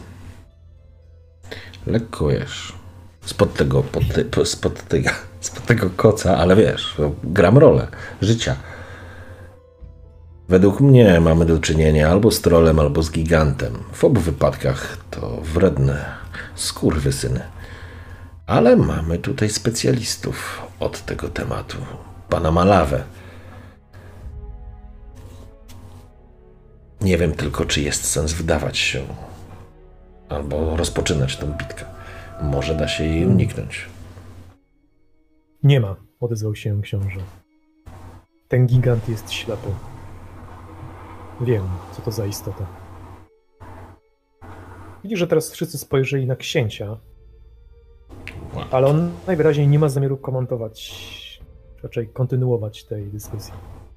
Po prostu stoi i wpatruje się w otwartą przestrzeń, gdzie stoi w ciemnościach koń, chłostany przez śnieg. No więc e, wszystko jasne, powiedział Gizelbrecht. E, Zatem Alsanaj skłonił się i skierował się w stronę wierzchowca, próbując go wprowadzić do środka. Nie rozumiem, książę, nazywał się Oswald, jakby za wszystkich. Nic tu rozumieć. Należy do druidów, którzy najwyraźniej wrócili już na stałe na tę ziemię. Mowa o tym ślepym olbrzymie, który został oślepiony przez twojego ojca? Nim druidzi zostali wygnani? To ten sam. Co, tutaj może robić? Mówi dosyć niepewnie. Nie wiem i nie obchodzi mnie to. Jedziemy na Łysą Górę.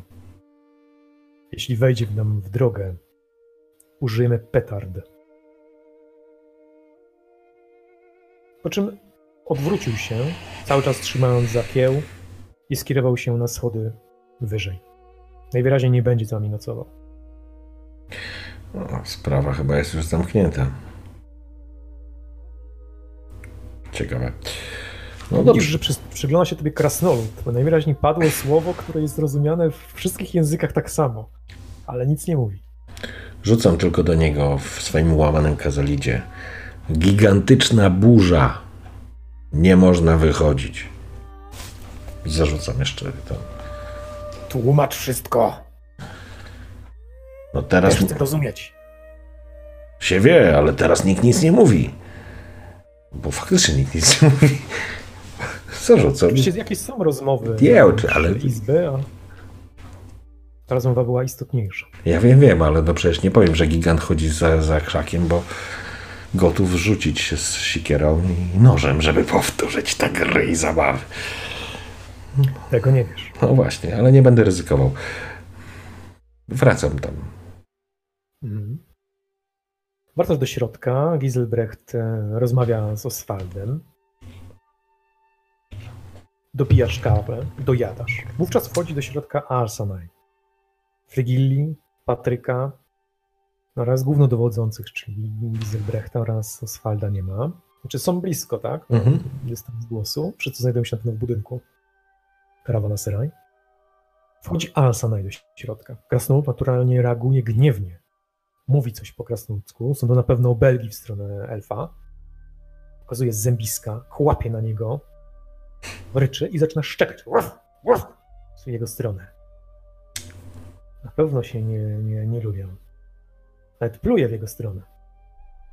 Ale Helf najwyraźniej nauczony takiego traktowania schodzi mu z drogi, szczególnie, że sierżant Kiełbasa i Nergisz śmieją się.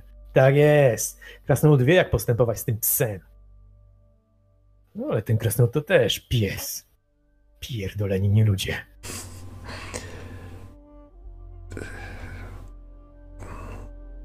Tak staje, żeby że mnie nie widział ma, Malawa, żeby nie widział moich tych, mojej, mojej twarzy po prostu. Tak tałem do niego e, wiem, Malawa niewiele mówi, a właściwie prawie nic nie rozumie w staroświatowym. Ale nie chcemy, aby usłyszał takie komentarze. Dla dobra nas wszystkich.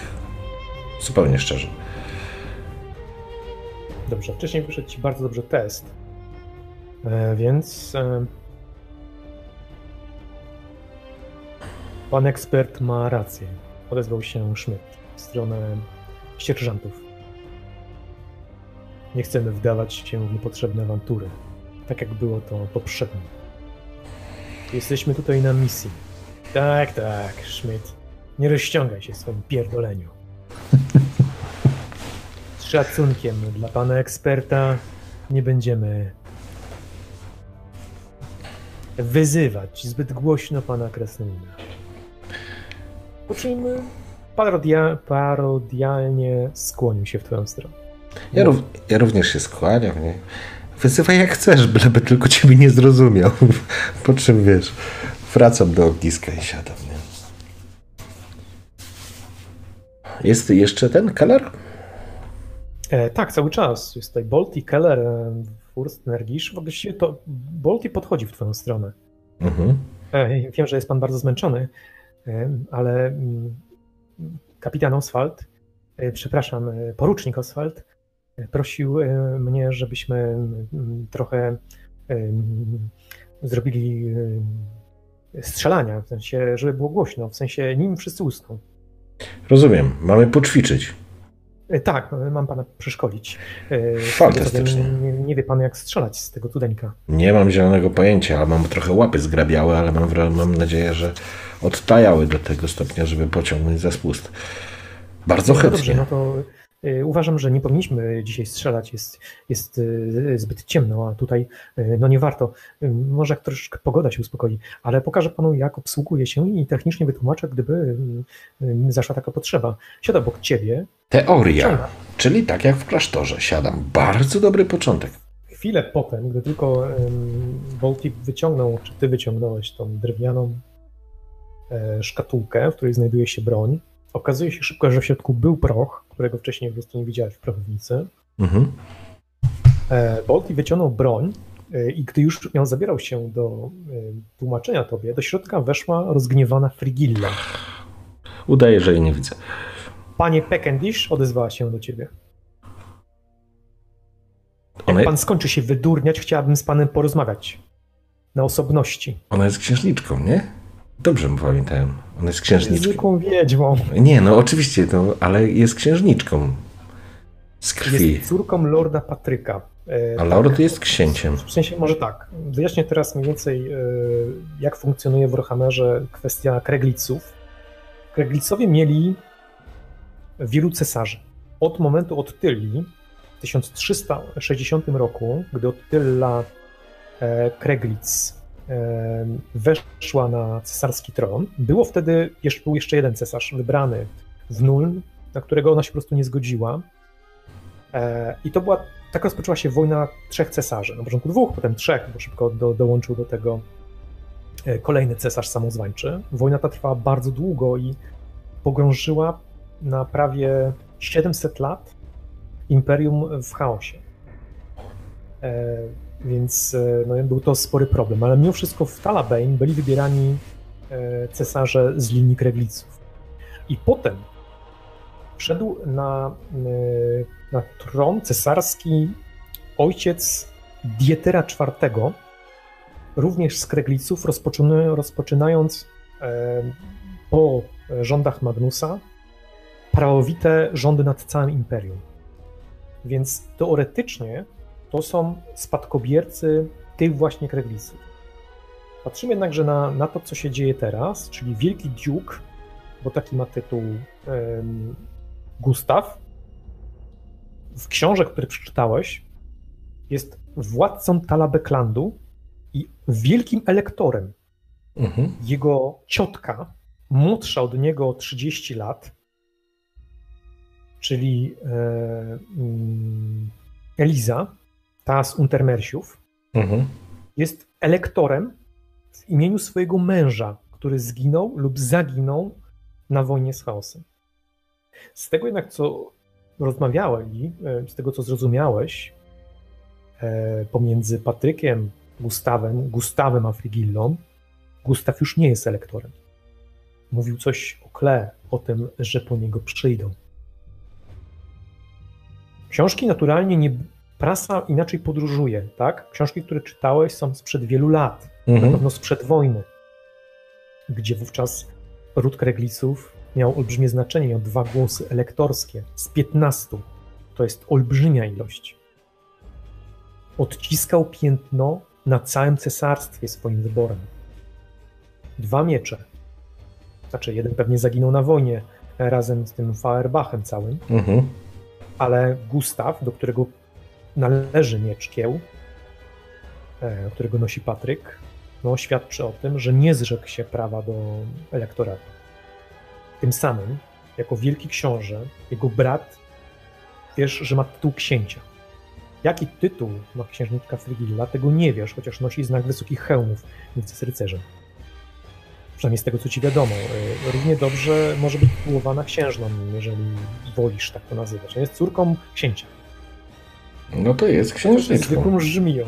Tak, Zwykłą żmiją. oczywiście. Spoglądam na nią. Oczywiście. Niebawem się stawię księżniczką. Gdzie cię szukać? Będę tutaj, wskazała na czarny otwór będący kiedyś drzwiami do wychłodzonego pomieszczenia. Nie każ mi długo czekać. Ekendish. Oczywiście księżniczka. Pamiętaj, że ona się tobie podoba wizualnie. Ja wiem. Ona jest bardzo atrakcyjna wizualnie. No dobrze. Obracam się do Kellera. No nic, panie Keller. Nie do Kellera, tylko do Boltiego. A, przepraszam, do Boltiego. Em, chyba nie, nie będę mógł się skupić, dopóki nie porozmawiam z księżną Frigillą. Zatem, jeżeli możesz dać mi chwilkę, to załatwię sobie sprawę i zaraz wrócę. No, oczywiście. Czekam tutaj na pana. Oczywiście. Morf, ale nie ja. Wracam oczywiście do. Narzucam na siebie ten koc. W ogóle. To idę w gaciach, rozumiem, i w spodniach jakiś tam, i w kocu. Biorę kubek z tą kawą, jeżeli nie, to Bolti. Poproszę Boltiego, żeby mi dolał, i czy sobie sam dolewam i wychodzę. No idę tam do niej. Hmm, dobrze. E, więc po chwili e, dołączasz do niej. Jak wygląda e, ten karawanseraj? Zdążyłeś już zobaczyć, że główna izba to faktycznie było coś w rodzaju karczmy. Miejsce, w którym się znajdujecie, czy znajdowaliście przed, czy przed chwilą, faktycznie służyło do, do życia towarzyskiego. Okoliczne zapiecki, okoliczne em, izby e, były prywatnymi izbami. Tam po prawej stronie była kuchnia, grzano jedzenie. Tam dalej jest wejście na patio zewnętrzne, w którym stworzył się mały wir. Pośród ciemności nawet widzisz, jak się szkli. Tam dalej są sporej wielkości okna, które wychodziły na jakieś arrasy. Teraz przykryte śniegiem. Burza cały czas jest tak samo silna.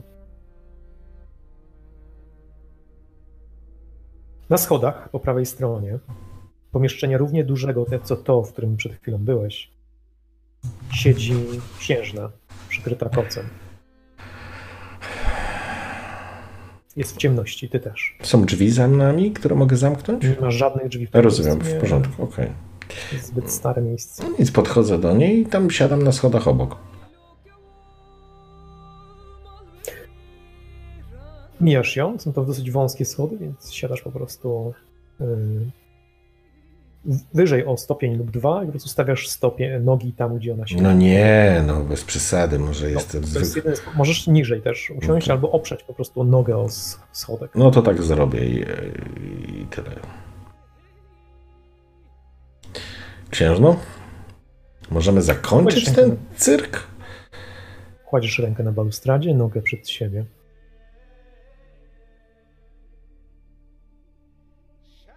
Przyznaję, chciałam pana, chciałam ciebie, gadzie, poprawiła się w złości, zdyskredytować w oczach tych ludzi. Znasz takie słowo? Zdyskredytować? Z dyskre, z tradeta.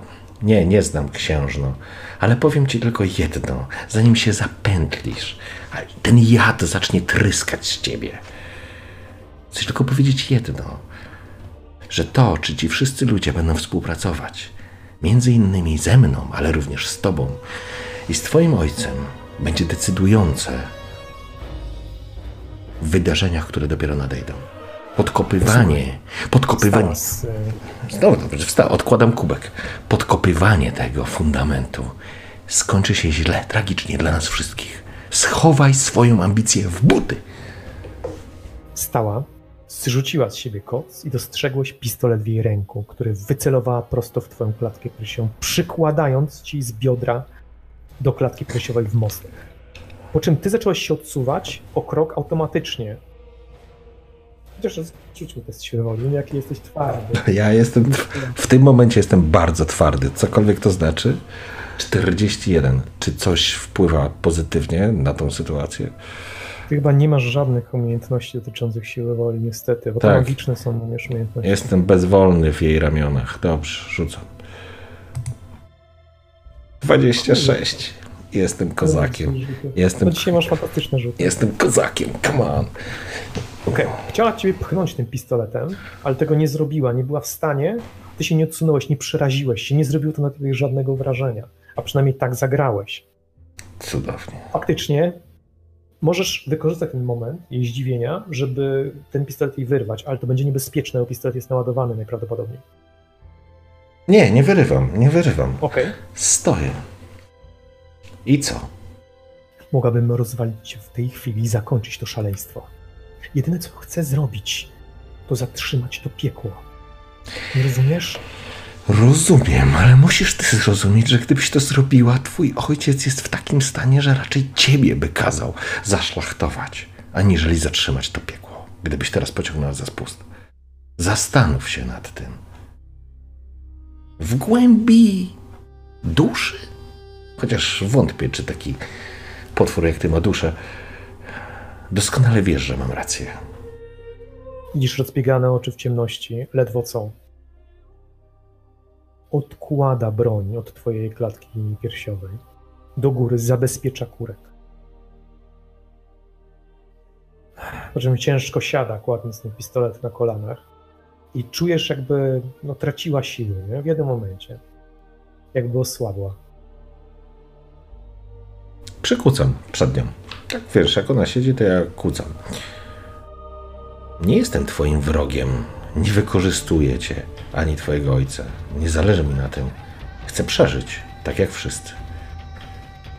Ale jeżeli chcesz to zakończyć, to nie możesz tego zrobić w sposób oczywisty. Jest jeden sposób. Spojrzałem na ciebie. Spoglądam. Przemyślałem to podczas drogi. Podczas naszej ostatniej rozmowy, o, może przedostatniej, mówiłeś, że jesteś gotowy uciec ze mną do Talabane. Zróbmy to dziś w nocy. Wezwę arbitra. Ten gwizdek pokazuje na szyi coś w ciemnościach. Może go sprowadzić. Możemy wsiąść na gryfa i znaleźć się w najwyższej wieży. Zakończyć to już dziś. Aha. Moja ciotka, Eliza, ona cię ochroni. Wystarczy jedno moje słowo. Dojdziemy prawdy. Będziesz bezpieczny, nie będziesz musiał grać tego cyrku. Przecież oboje wiemy, kładziesz tobie rękę na kolanie, Mhm, tam bez pistoletu. To już postęp. Oboje wiemy, że nie jesteś tym, za kogo się podajesz. Nie rozumiem, powodów, dlaczego to robisz. Choć przypuszczam, że robisz to, żeby nie stracić życia. Po co to ciągnąć? Mój ojciec przez kilka tygodni będzie włóczył się pośród zamieci, a potem wróci do szlos.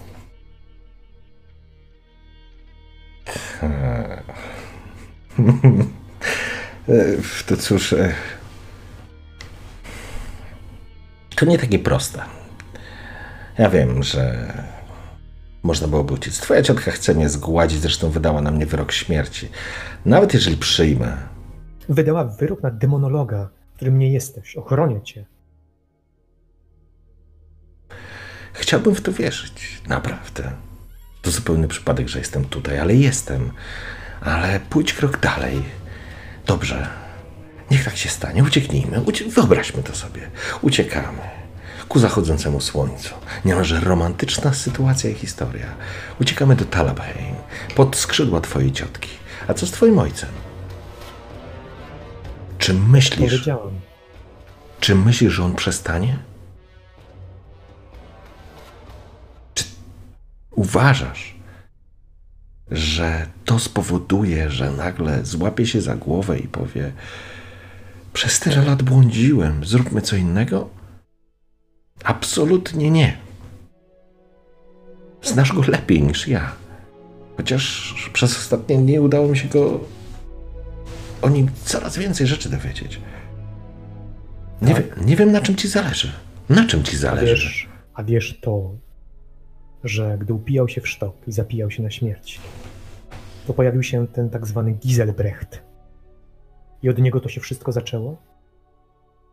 Od jego jakiejś wizji, czy jakiejś wiedzy. A potem trafiłeś się ty. Ty znikniesz, a Giselbrecht również może zniknąć. Tylko ja wiem, że ty jesteś niewinny. Ty grasz w grę, bo nie chcesz stracić życia. A Giselbrecht to podła szuja, która musi stracić życie. Mój ojciec potrzebuje pomocy z przytułka. A nie jakiejś szalonej podróży. Celem ratowania kogoś, kto dawno nie żyje. Myślisz, że nie kochałem swojego brata? Myślisz, że nie chciałabym jego powrotu? Zastanów się. To jest szalone u samej podstawy. Ojcu muszą pomóc specjaliści, ale on nie chce dać sobie pomóc. To chcesz go do tej pomocy zmusić? A ty chcesz napędzać jego szaleństwo? Ja chcę przeżyć. Po prostu. Leć ze mną do Talabheim.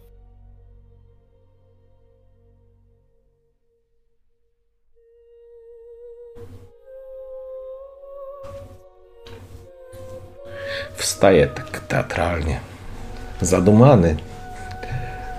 Kurde, to by rozwiązało wiele naszych kłopotów, tak sobie myślę. Zgadza się. Czujesz, że lina na twoim nadgarstku zaczyna się wkręcać tobie po prostu w rękę, delikatnie.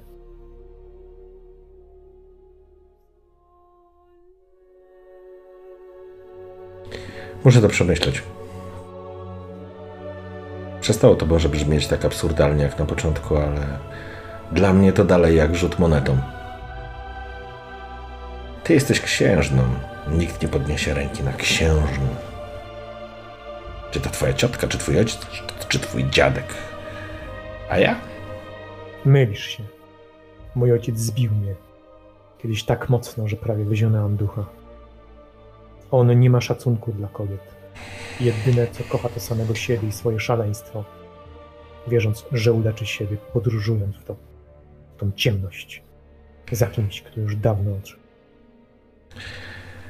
Przykucam przy niej. Czego chcesz, tak naprawdę, tak realnie? Chcesz to zatrzymać, ale czy jesteś w stanie ponieść, albo inaczej, zapłacić każdy rachunek, żeby to się stało?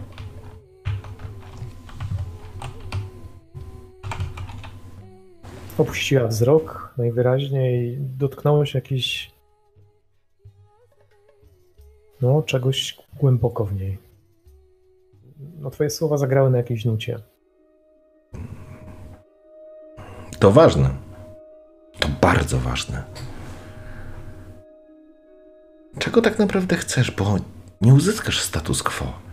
To nie będzie tak, że ja zniknę i wszystko stanie w miejscu, ktoś zatrzyma czas i wszyscy będą się kochać.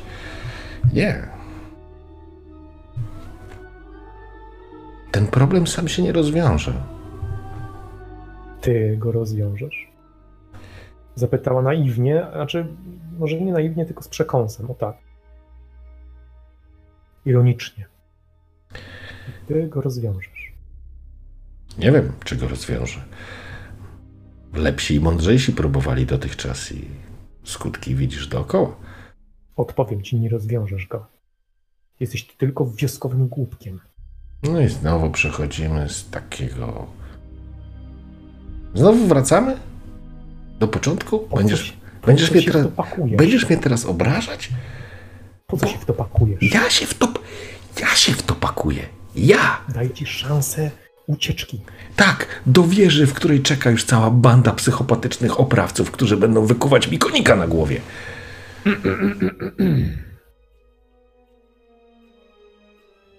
Usłyszałeś z tyłu za sobą. Czyje to było? Przepraszam, że przerywam rozmowę. Odezwał się Giselbrecht.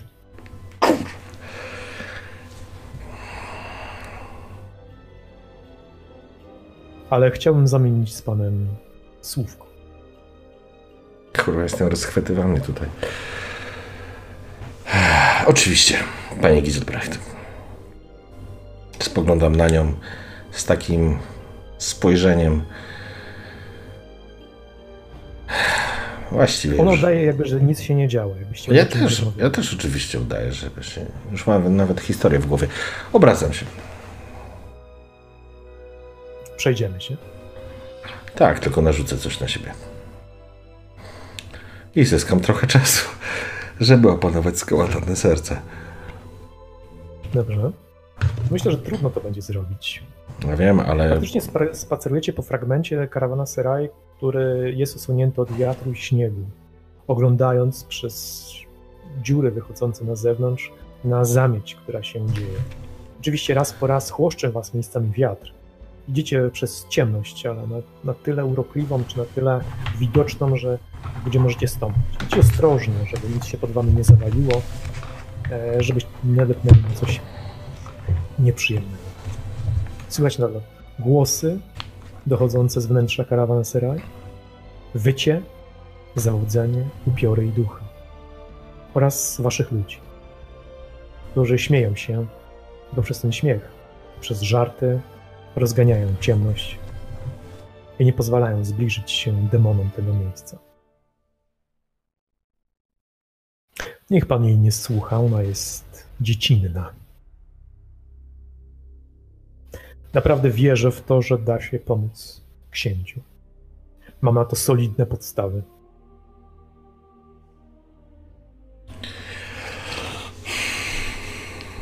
z pewnością. Z pewnością, panie Giselbrecht. Dużo tu emocji, zbyt dużo. Które fokusują się na mojej osobie zupełnie niepotrzebnie.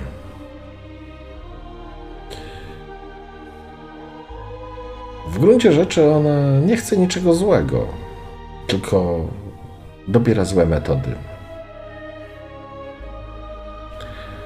To wszystko. Proszę ją ignorować. Jest tutaj tylko na życzenie Duke'a Gustawa.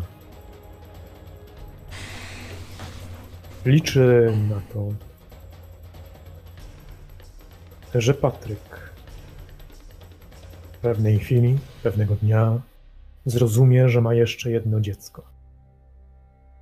I Oba. gdyby tak się stało, cieszyłbym się z tego. Ale to nie zmienia faktu. Że to niemożliwe. Uśmiecham się. Kwaśnym Nie to uśmiechem. chciałem powiedzieć. Nie to chciałem powiedzieć. Ja wiem. Ja nie zarzucam panu złej woli, panie Giselbrecht, ja tylko stwierdzam fakty. Obawiam się, że to niemożliwe. Ale cóż. Mamy zadanie do Możliwym wykonania. jest, możliwym jest jednak, odzyskanie duszy tego chłopca, syna Lorda Patryka, Tomasa. Dobrze. Żywym go nie sprowadzimy. Ale o to już się pan nie musi martwić. Wystarczy nam, że otworzy pan szczelinę.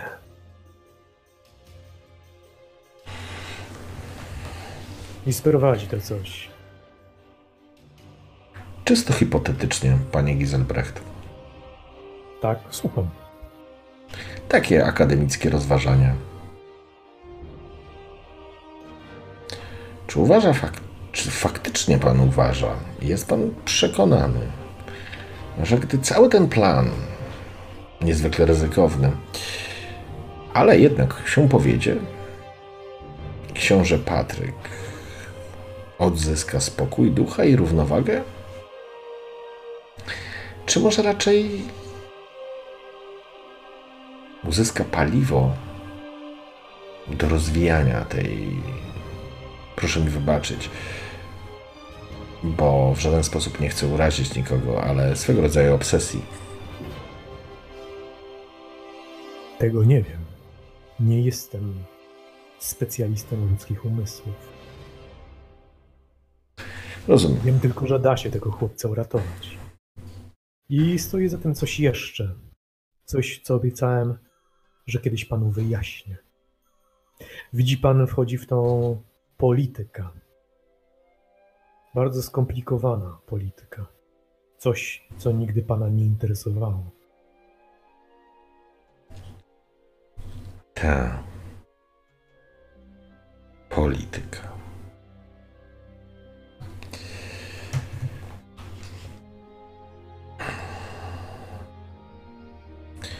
W innych celach zostałem tu przysłany. A w innych celach zostałem. Rozumiem.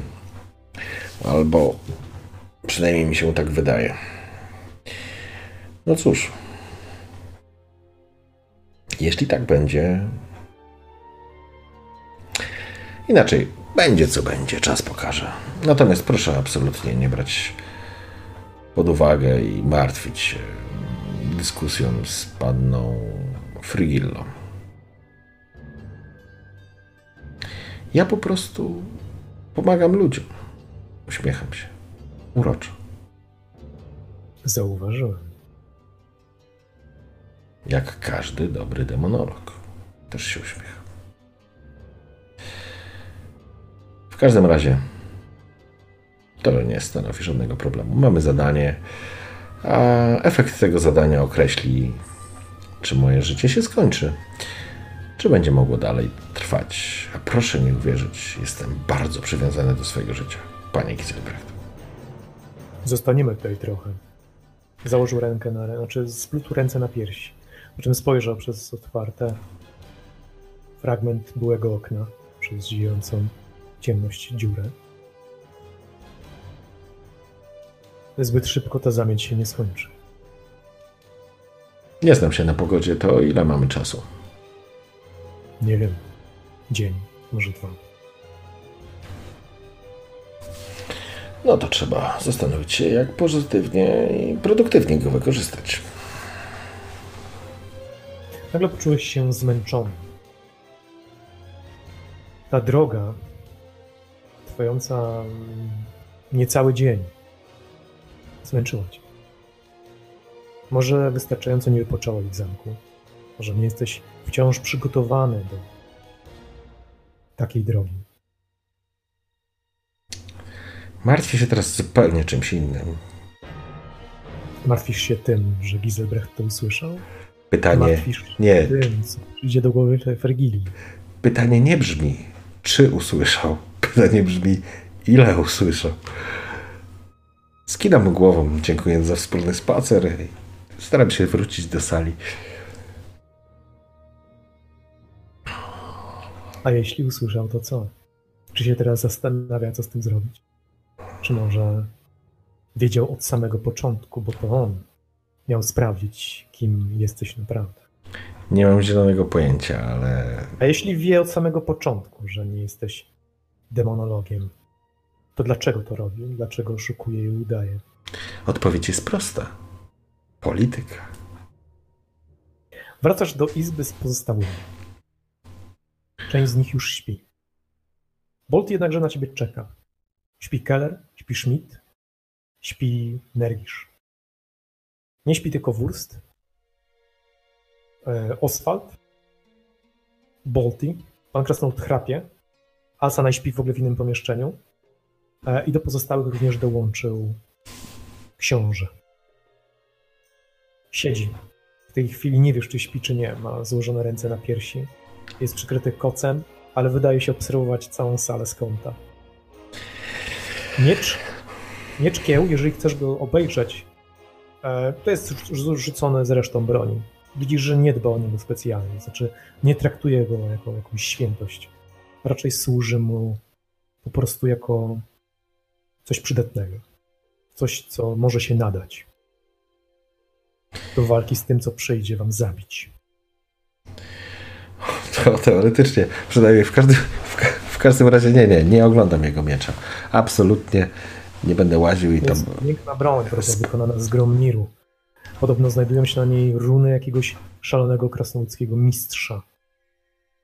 To broń sprzed 2,5 tysiąca lat. Znaczy z czasów Sigmara, o tak. A Hmm. nadal wygląda na nową. Jako uczciwa akolita Wereny zawsze szukam źródeł wiedzy. Spoglądam na e, Patryka, próbuję przykuć jego wzrok, żeby mnie zauważył. Mhm. Nie, niestety się chyba jest. odpoczywa. Śpi. A to nie będę go budził, nie. No, no dobra. No to podejdę tam jednak do, do tego kupy żelaza. Mhm. I Sięgasz po kieł, tak? Przykucam. Nie, nie, nie, nie to, że sięgam tam na potęgę posępnego czer... Nie, bo to, słuchaj, to ważne. Nie każdy chce, żeby dotykać jego mecza, nie? Więc, To prawda. To prawda, zgadza się. więc e, no po prostu... Czy chcesz go w końcu obejrzeć? Nie, chcę go obejrzeć, tak, zdecydowanie. Ale przykucam, a nie latam z nim po całym pokoju, nie? I machasz. No i teraz Paul mówi, ha, ha, ha, mam cię w końcu. Okej, dobrze. Chciałem, żebyś wykonał. e, nie masz e, wiedzy magii, prawda? E, nie, chyba nie. Więc w takim razie użyjemy wiedzy historii. Pamiętam, że wcześniej próbowałeś identyfikować ten przedmiot, ale się tobie nie udało. Żeby go zidentyfikować jeszcze raz, spróbujesz wykonać test wiedzy historia plus 10. No dobrze. A to jest na inteligencję, nie? Tak. 60, no. No to jazda. 79. Wyszło. Próbujesz sobie przypomnieć cały czas o tym, co czytałeś na temat tej broni w różnych momentach. W Solidenhale było bardzo dużo. Gdybyś miał ze sobą książkę e, swojego mistrza, swojego ojca Adamusa, to pewnie mógłbyś sobie to przypomnieć zdecydowanie łatwiej.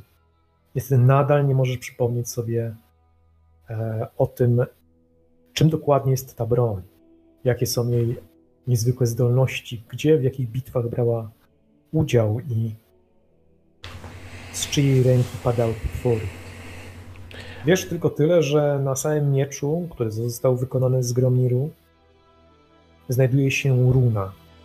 Podobno jest to jakaś arcymistrzowska runa jakiegoś szalonego kowala, którego imienia niestety również nie możesz sobie przypomnieć. Moc tej runy automatycznie zaczyna oddziaływać na ciebie.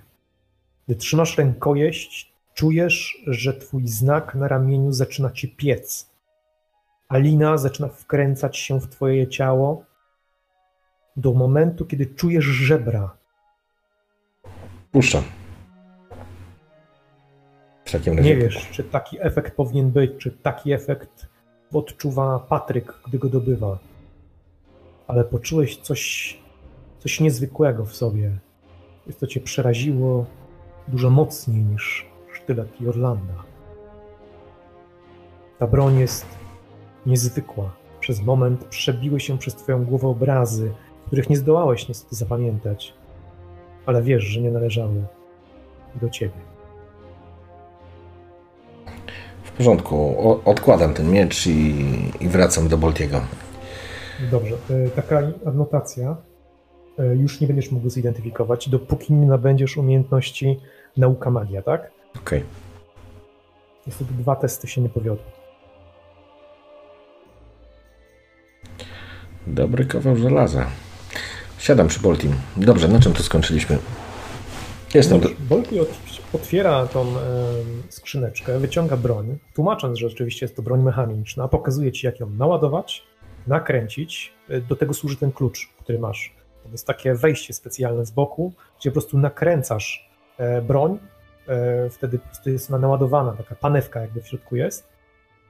E, I no, następuje iskra oczywiście i zapalenie tych ładunków, które znajdują się w środku.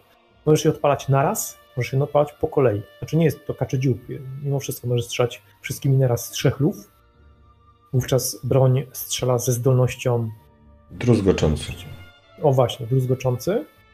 E, Albo strzelasz z pojedynczej e, lufy i broń nie nabywa tej umiejętności, ale za każdym razem otrzymuje modyfikator plus 5 do testów umiejętności strzeleckiej. A powiedz mi, druzgoczący, to co to oznacza, że pancerz Znaczy, przebija? 2K10, 2K10 na obrażenia. A. Wybierasz wyższy wynik. Podoba mi się. Dobre rzeczy tutaj Bolti mi tłumaczysz. Dobrze, w porządku. Bardzo mu dziękuję za wykład, jeżeli to już oczywiście jest koniec. Tak, znaczy jakby podstawy musisz teraz postrzelać oczywiście, no bo Mhm. no, wiesz mniej więcej jak ją załadować i jak sobie z nią poradzić podczas walki. E, Jest ona dosyć bezpieczna, znaczy możesz z nią jeździć naładowaną. E, Naturalnie nie cały czas, tak, nie całe życie, ale gdy spodziewasz się jakiejś tam niebezpiecznej sytuacji, no to możesz ją e, nosić załadowaną. Mhm. Tłumaczył ci również różnicę pomiędzy palną a mechaniczną bronią, czyli zamkiem kołowym, bo tak naprawdę mechaniczny jest zamek kołowy, a zamek skałkowy jest bronią raczej palną. Czy lątowy też, nie? Jest, jest, jest po prostu bronią palną. Czyli w broni palnej masz dwa rodzaje, tak? tak czysta broń palna, prochowa oraz za, o zamku y, kołowym, skałkowym kołowym.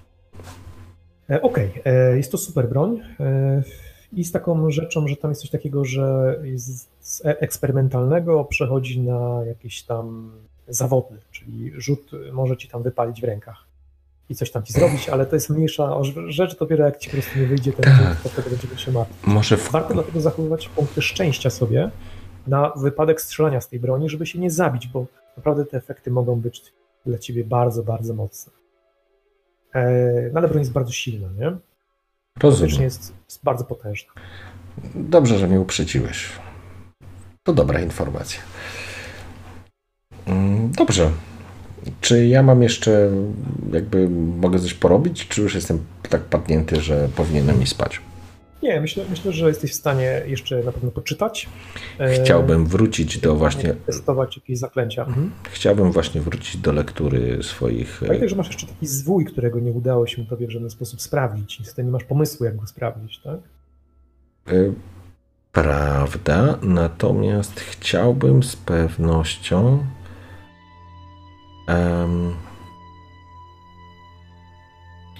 wrócić do lektury tych ksiąg magicznych.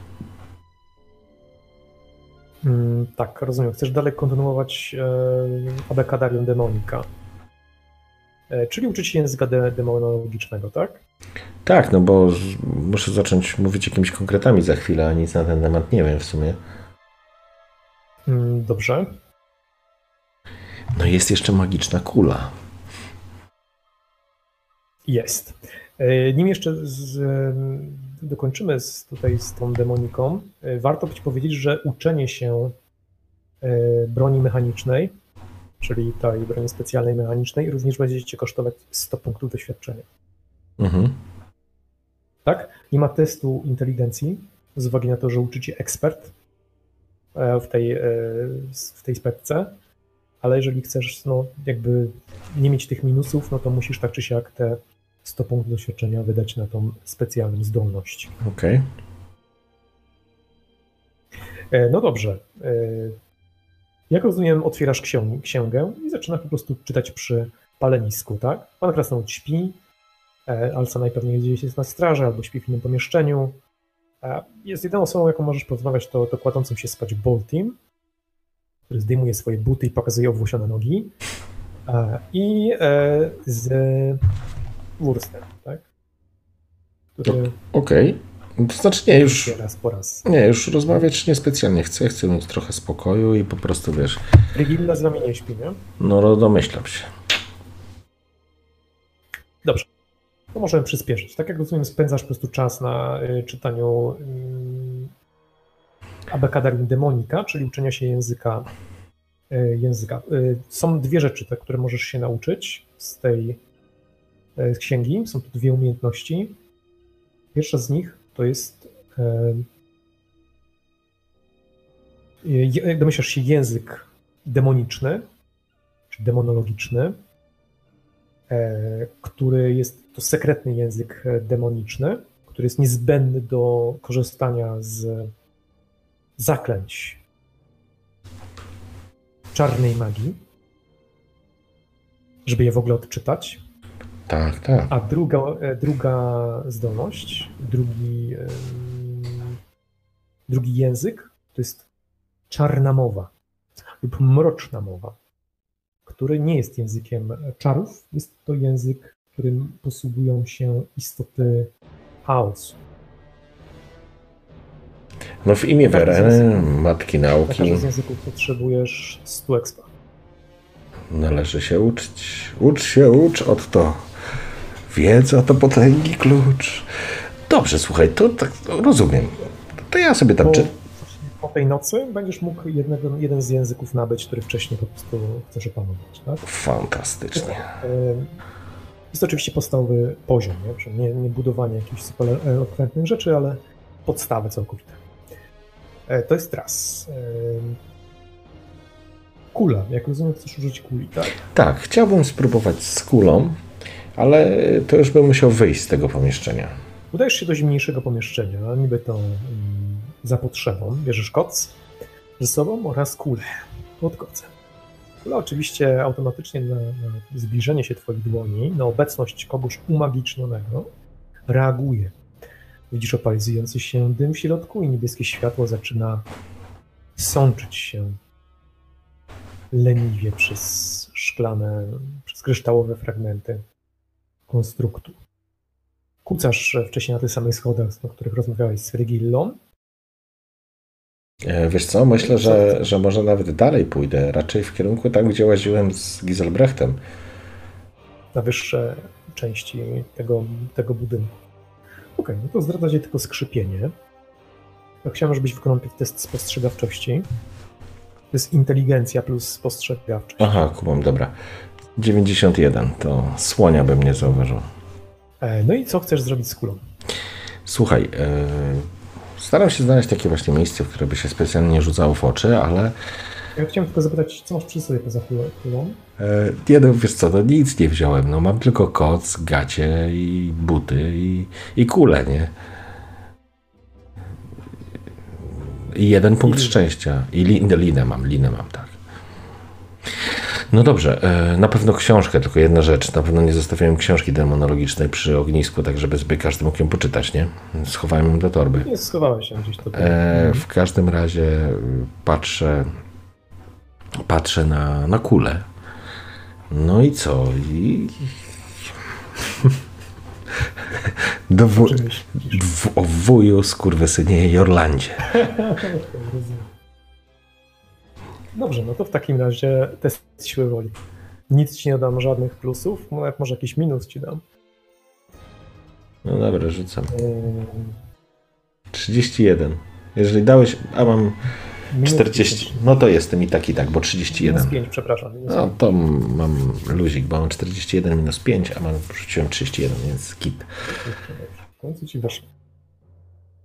Więc kucasz z tą kulą pod tym kocem, tak żeby przypadkiem nie zdradzić się w razie gdyby wuj jednak e, potrafił zareagować na tą e, sytuację.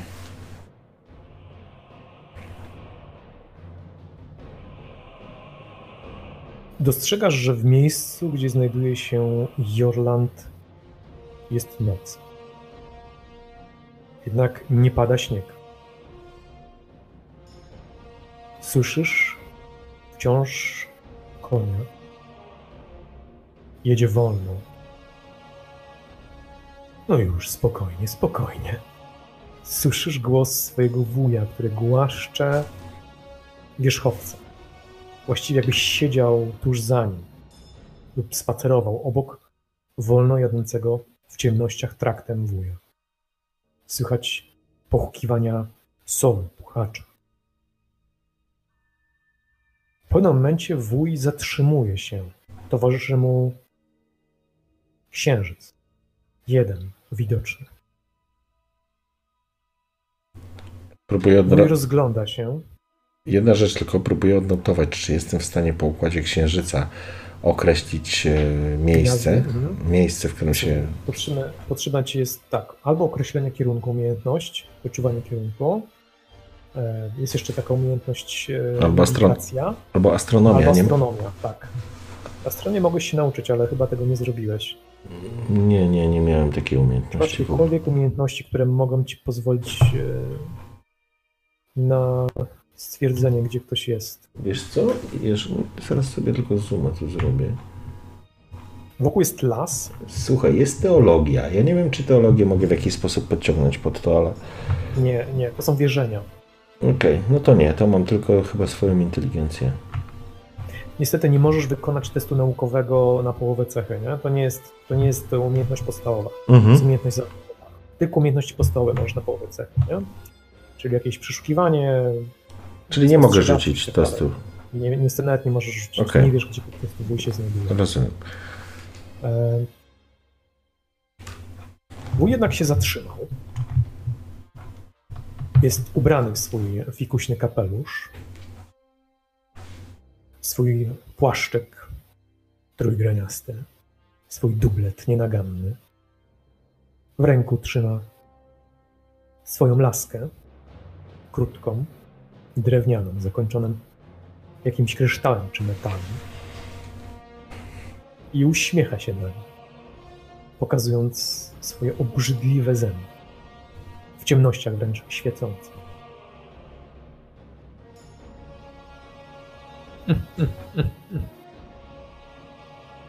Oto, jak mnie. I nagle spojrzał bezpośrednio w ciebie. Bezpośrednio w miejsce, z którego akurat patrzyłeś. Próbuję nie spanikować. raptownie. Próbuję nie spanikować. Przesunąłeś się, przesunąłeś się raptownie. Dobra, no rzućmy, czy nie spanikowałeś. Rzućmy tą siłę woli. O kurde. Wereno, Wereno. No nie. Zrobiłeś ruch, ale nie straciłeś kontaktu. Błyskawicznie zdałeś sobie sprawę, że przesunąłeś się e, niezwykle szybko. W całkowicie inne miejsce. Jakby, nie wiem, zrobiłeś kilkadziesiąt kroków, otaczając samego wuja z innej perspektywy na niego patrząc. Widzisz teraz z tej perspektywy, że obok jest zamarznięty staw. Jakaś niewielka chata gdzieś w tle, w ciemnościach. Na planie drzew, które wydają się być skierowaną ku górze tartaczną piłą. Widzę, że opanowałeś zdolność korzystania z mojej kuli. Oznacza to. Mówi teraz jakby w miejscu nadal, gdzie byłeś, nie widząc ciebie, ale rozglądasz. Oczami. Wodzi, a ty się zbliżasz. Nie wiesz, jak to kontrolować dokładnie, Mhm. ale gdy odzyskujesz wzrok na wuju, wydajesz się zbliżać. Podjeżdżać jakoby, sunąc w powietrzu. A staram się spojrzeć w inne miejsce tego planu, na którym się znajdujemy. Czy. Nie możesz, coś, Okej. jakaś siła ogniskuje cię na wuju. Okej. Marzenie, które sam wywołałeś. Słyszysz mnie? Owszem, słyszę cię. Jesteś jak wiatr, który niesie azur. Jesteś jak szmer, który słyszę przez akaszę. Jesteś jak cień Hamona.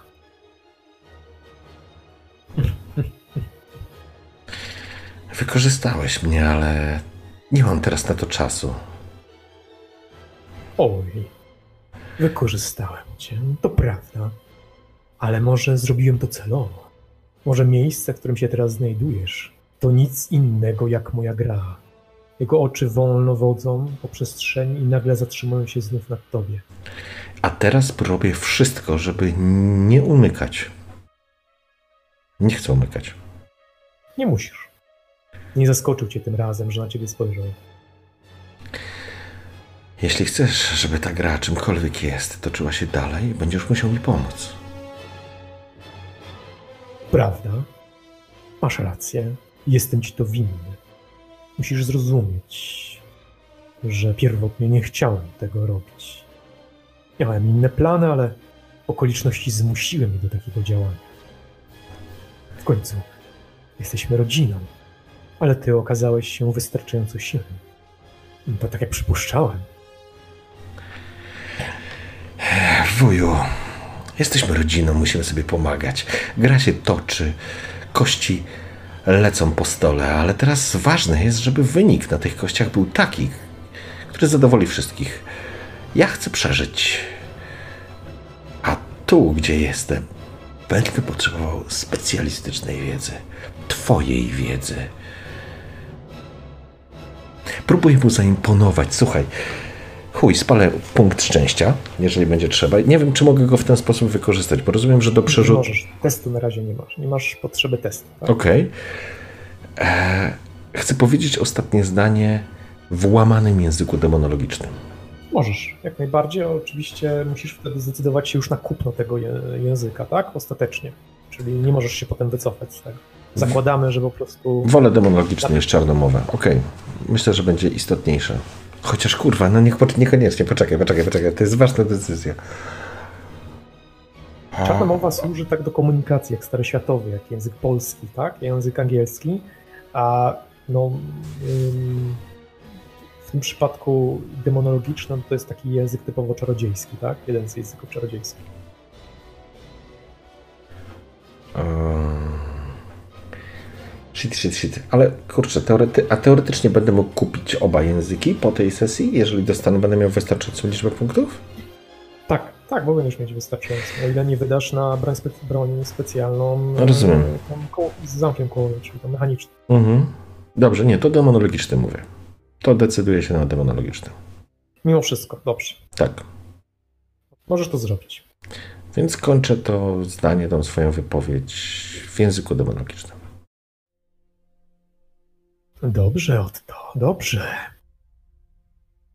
Zaimponowałeś. Kurwa. Jak ja mam przejebane. Dobra, ale Jestem ci winny pomoc. To, za co zrobiłem. Cieszę się, że idziesz w moje ślady. Ale będziesz musiał uważać. Ludzie nie będą tego pochwalać. Zatem jakiej pomocy ode mnie oczekujesz? Bierz pod uwagę, że to pierwszy i ostatni raz, kiedy ci pomagam.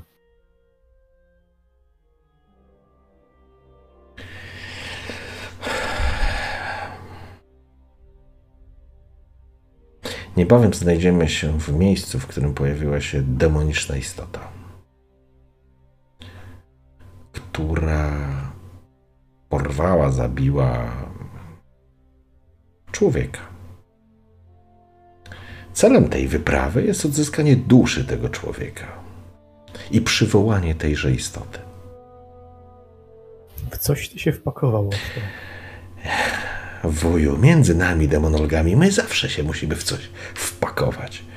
A tak poważnie. Myślę, że dużo wiesz, w co się wpakowałem. W końcu to twoja gra. Niemniej jednak będę potrzebował jakichś konkretów. Nie mogę wyjść, zacząć machać rękoma i udawać siebie wieśskowego wariata. Po czym powiedzieć, że nie zrobić? wyszło. Co chcesz zrobić? Mówi znudzony, patrząc na swoje obgryzione paznokcie. Muszę mieć efekt, który będzie wyglądał wiarygodnie. Przecież nie jestem w stanie otworzyć szczeliny do uniwersum demonów i ściągnąć tego, który jest za to wszystko odpowiedzialny. Wziąłeś moje książki. Więc może i jesteś. Dobrze, Chociaż wartościowe zabrałem ze sobą. No dobrze. Co masz przy sobie? Czuję. Nagle czuję, że coś skręca cię wokół twarzy, znaczy wokół klatki piersiowej i wchodzi ci na szyję. Czuję, że masz ze sobą moją linę, którą mogłem wykorzystać, żeby cię teraz zabić. Czujesz się pewnie jak w pułapce. Ale skoro uciekłeś, życie ci się należało. Nie zamierzam go tak szybko kończyć. Jestem ciekaw, dokąd zajdziesz. Pamiętaj jednak, że odpowiem na Twoje pytanie, a potem nasza rozmowa dobiegnie końca ostatecznie. Chyba, że przyjdzie nam się spotkać na żywo. Co masz ze sobą? Mm, Summa Magika, Ral Pagalisz, Interdemonica Pietli, Pieti i Abecadarium Demonica Pieti. Takie mam książki. Nic potrzebnego, niestety. I jakiś zwój, którego jeszcze nie rozgryzłem. Nawet nie wiem, jak za niego się zabrać. A z przedmiotu? Twój, twój sztylet i twoją laskę. Kulę? Lask? Nie używałem laski. Ach, tak. Lask. Uśmiechnął się, pokazując przebrzydłe zęby. Skoro już mamy tą jedyną okazję, żeby porozmawiać, co tak zabawnego jest w tej lasce, że się śmiejesz? No cóż, po pierwsze, to nie jest laska, ale to nie jest treść Twojego pytania. Słuchaj mnie teraz. Potrzebujesz imienia. Imienia od to, żeby przyzwać to coś. Bez tego nie uda ci się, niezależnie jak wiele wiedzy posiądziesz. Potrzebujesz poznać imię tego czegoś, tego, co jest po drugiej stronie, kroczącego między światami. Niezależnie jak to silne jest, jeżeli wystarczy ci odwagi i mocy, imię zrobi resztę.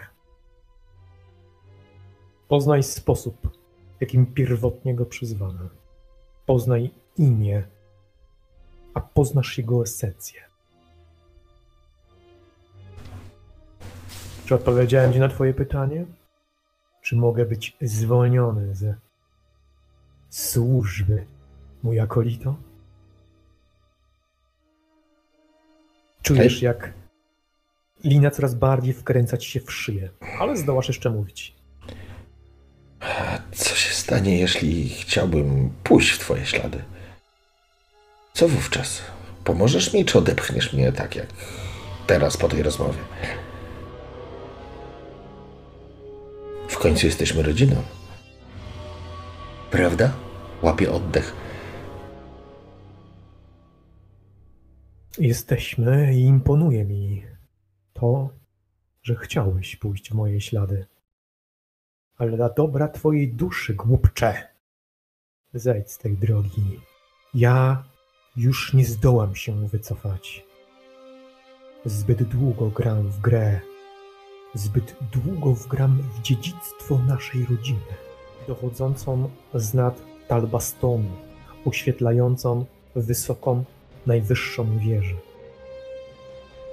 którą widać w dół ulicy, schodzącej bez grani północnej bramy drogi czarodziejów. Nie widzisz łojówek, nie widzisz Schwarzholdu, nie widzisz dzielnicy kupieckiej, nie wiesz gdzie jesteś. Może gdzieś przy wrotach północy, na pewno gdzieś przy wrotach północy. Nie widzisz budynków dzielnicy prawa. Budynki są martwe, a okna zieją pustką. Jakby były tam tylko same ramy okienne, wybite drzwi. Słyszysz bębny, bębny dochodzące z podziemi. Jakby się zbliżały, jakby cię zachodziły.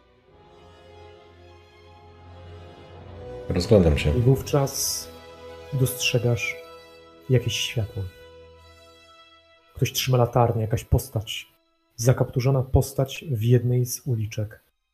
stoi tam, w ciasnej uliczce, gdzie wieje wiatr. Jednak latarnia nie oświetla jej. Oświetla tylko ciebie.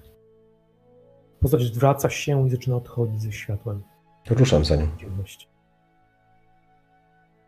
Kiedy ty ruszasz za nią, postać zaczyna przyspieszać. Skręca w jedną z uliczek na skrzyżowaniu pomiędzy budynkami. Ruszam mimo wszystko. Rzucasz się za światłem, skręcasz w prawą stronę, tam gdzie ona, i znów w kolejną uliczkę, próbując ją gonić. Wykonamy test szybkości. Kastonie. Kasto. Osiem. Idealnie. Dopadłem. Przykryzłem mi krytykę. Udało ci się dobiec do samej postaci, dogonić ją. E, jesteś tuż za nią. Wydaje ci się, że postać ma szczurzy ogon, wyrastający spod płaszcza, który ma na sobie. Tylko tyle widzisz. Będąc za nią dwa, może trzy kroki. Próbuję złapać, tak wiesz, obrócić za ramię. Rozumiem. Chwytasz ją za ramię, łapiesz w miejsce, gdzie znajduje się latarnia, chwytasz i materiał zaczyna opadać jakby z jej ramion. Latarnia upada na dół, uderza o ziemię, rozbija się tuż przy wyjściu z zaułka, a ty trzymasz w ręku sam materiał, sam płaszcz z kapturem, który wisi ci z ramion. Spoglądasz do góry, jakby postać mogła się wysupłać z tego ubrania i biec dalej. Nie widzisz jej jednak. Widzisz jednak, że wychodzi to na dzielnicę prawa, na plac rozgrzeszenia, na której zbudowano jakąś konstrukcję. Konstrukcję z białego materiału. Z wielu części białego materiału. I coś na tym materiale, na tym tronie siedzi. Próbuję dostrzec, ewentualnie podchodzę bliżej, żeby zobaczyć. Bez trudu rozpoznajesz postać, oświetlona łuną z nad Talbastonu. To, jak go nazywałeś, błazen, kuglarz. I dzwoneczki. i dzwoneczki, które słychać. Postać szczerzy się, gdy cię widzi. Znowu się spotykamy. Wezwałeś mnie, więc jestem. Błagałeś o pomoc. Jak obiecałem, przybyłem. Potrzebowałem jej trochę wcześniej. No ale skoro już jesteś, widzę, zawładnąłeś Talabheim. Zgodnie To z tak naszym... nie działa. Jeszcze tak nie działa. Jeszcze. Oto. Widzę, że władasz Talabheim. Oddałeś mi je, nie pamiętasz? Pamiętam, ale nie wiedziałem, że to jest realne. No dobrze. No dobrze. Znasz mnie bardzo dobrze, prawda? Ciebie i innych. Kim Ale mówmy o tobie. Czego ode mnie chcesz? Chcesz zagrać? A o co chcesz grać? O to, co zwykle. Postaw coś. A wygrać możesz wiele. Szczerze. Zbliżasz się do tego tronu stworzonego z jakiegoś koralowca. Martwego naturalnie. Choć im bardziej się zbliżasz, masz wrażenie, że to kości. Choć nie widzisz jeszcze kręgosłupów, fragmentów ramion czy czaszek, to instynktownie wyczuwasz jakąś aurę śmierci. Kim jesteś i dlaczego. Dlaczego ze mną się kontaktujesz? Dlaczego mi chcesz pomagać? Dlaczego ze mną chcesz grać?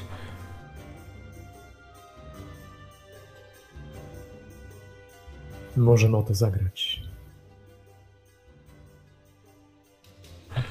Ale chcę od ciebie klasztor. Klasztor twojej pamięci.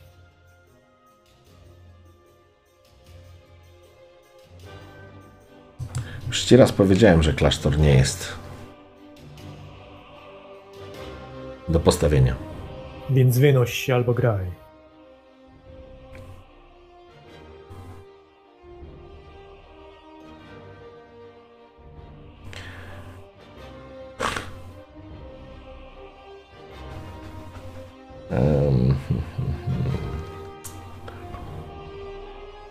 Dobrze, zagrajmy.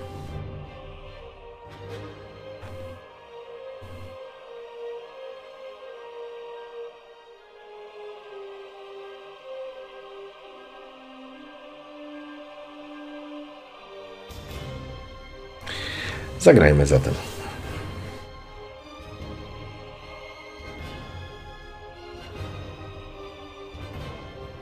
Za tobą znajduje się furgon. Chcesz przedmiot? Wiedzę? Wiedza. A może coś innego? Chcę wiedzę. Tylko ona jest ważna.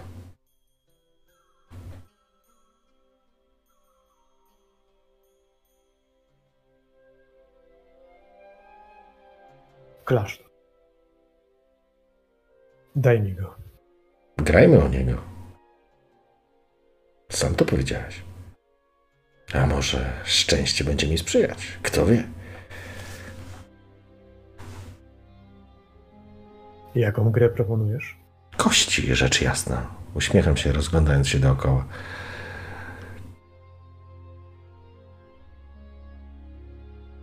Dobrze, zagrajmy w takim razie o to. No dobra. Jeśli wygram, dowiem się i nie stracę klasztoru. Jeśli przegram, dowiem się i stracę klasztor. Czy to ci pasuje? Absolutnie nie. Gra musi mieć reguły. Jeśli przegrasz, tracisz wszystko, a ja zyskuję wszystko. Jeśli wygrasz, ocalisz klasztor. I zyskam wiedzę. Dobrze. Niech tak będzie. wiedzę. Dobrze. Dobrze, e, w takim razie będziemy testować hazard. Geniusz arytmetyczny. Nie, nie, to bym pamiętał, że coś takiego mam. Dobrze, to testujesz inteligencję na połowę cechy. Dobrze, mamy inteligencji 50, czyli 25. Nie, ja pierdzielę, przecież to nie masz szans w ogóle. No ale dobra, niech się dzieje. Mam jeszcze jeden punkt szczęścia, jakby co. No masz. No to kulamy. Fuck. Korzystam z punktu szczęścia. Okej. Kurwa.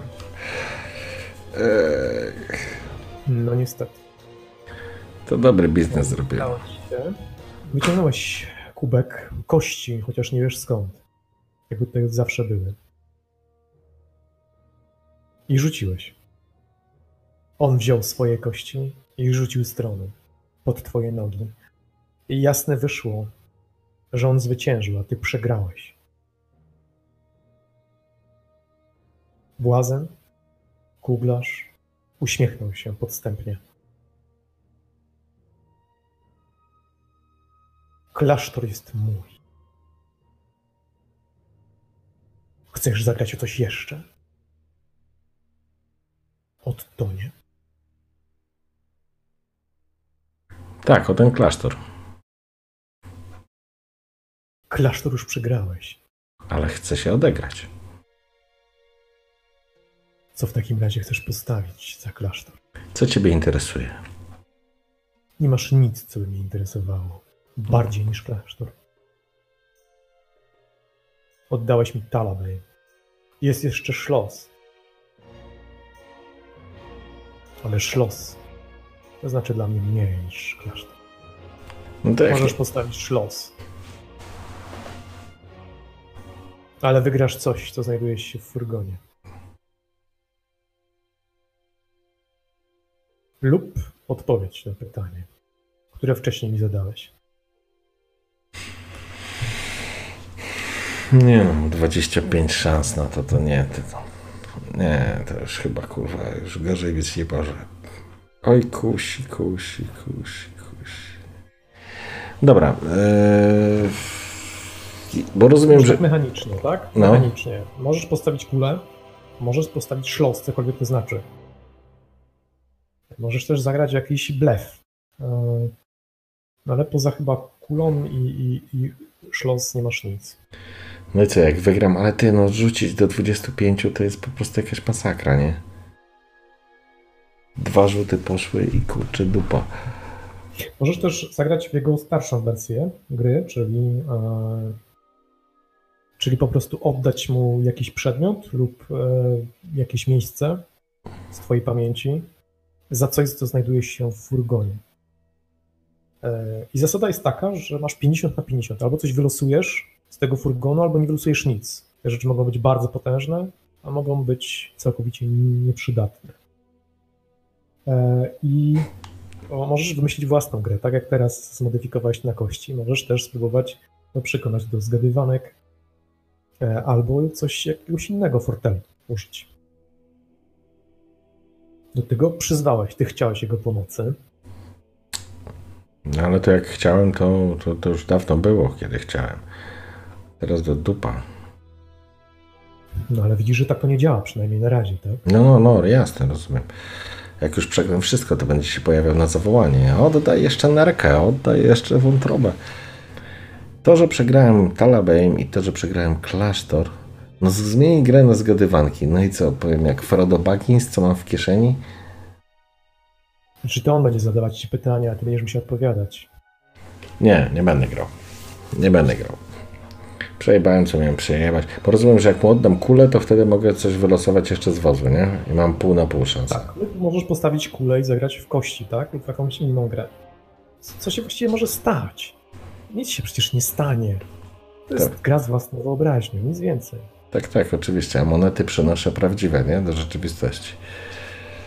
No tak, moneta mogłaby potwierdzać fakt, że Ma. ma to wpływ na rzeczywistość. Zróbmy tak, jak czat radzi. To będzie zła rada, ale zróbmy tak. Zagrajmy o Jaka kulę. decyzja? Zagrajmy o kulę. Co? W zgadywanki. Dobrze, to musisz mi dać chwilę. A czy ja będę musiał znać odpowiedź ja jako ja, czy ewentualnie będę mógł rzucać na Ty musisz inteligencję? Jako, ty musisz jako ty. Dobrze, niech będzie taka gra. Zadam ci trzy zagadki. Jeśli odpowiesz na dwie z nich, wygrasz to, co chcesz, żeby było wygrane. Rozumiem, że o klasztor grać nie możemy. To jest e, o przedmiot, tak? Bo ja kulę stawiam i mogę tylko wyciągnąć jakiś przedmiot albo wiedzę. Nie? Przedmiot lub wiedzę lub pytanie, tak? Znaczy odpowiedź na pytanie. Wiedza w sensie jest również w kategoriach przedmiotu mechanicznych, to znaczy umiejętności bądź zdolności. Tak. Kuglarzu. O to zagramy. Imię istoty. Tak, tej istoty, którą muszę przywołać. Masz taką wiedzę, czy nie? Widzisz, że się zastanawia. Założył nogę na nogę, obrócił się, spoglądając gdzieś w ciemność Talabej, jakby przyglądając się swojemu dziełu. Widzi, że coś gigantycznego właśnie wyrasta w ciszy po prawej stronie. Jakby coś obrastało, jakaś konstrukcja, coś z talbastonu. Jakby coś budował.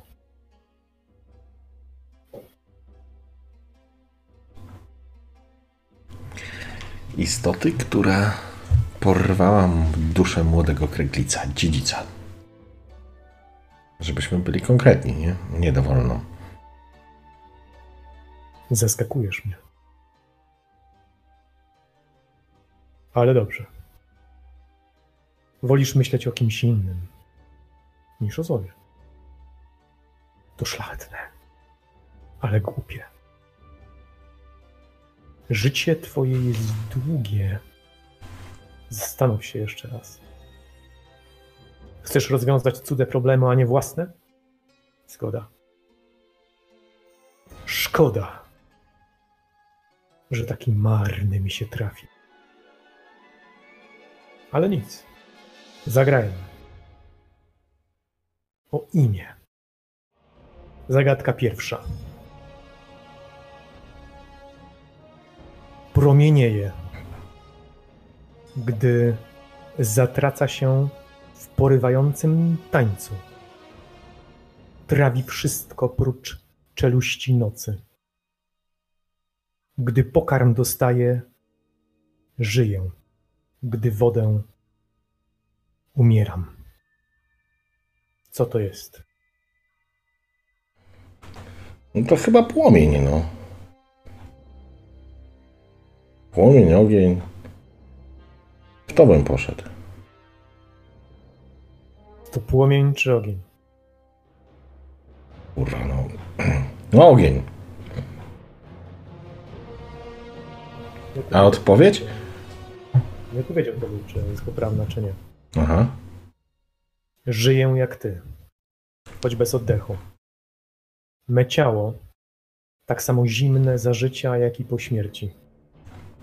Nie czuję ni pragnienia, ale piję bez pamięci.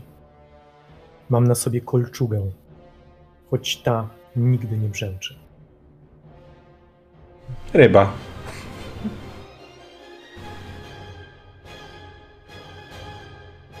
Zagadka trzecia. Żywot, który wiodę, to ledwie godziny, a czasem minuty. W mej służbie cały czas mnie coś trawi.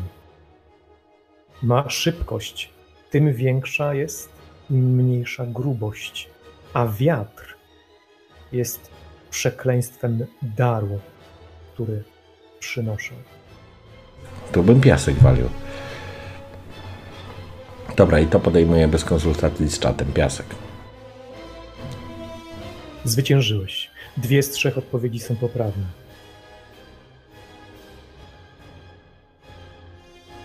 Istota, którego, której szukasz, to wielki pożeracz.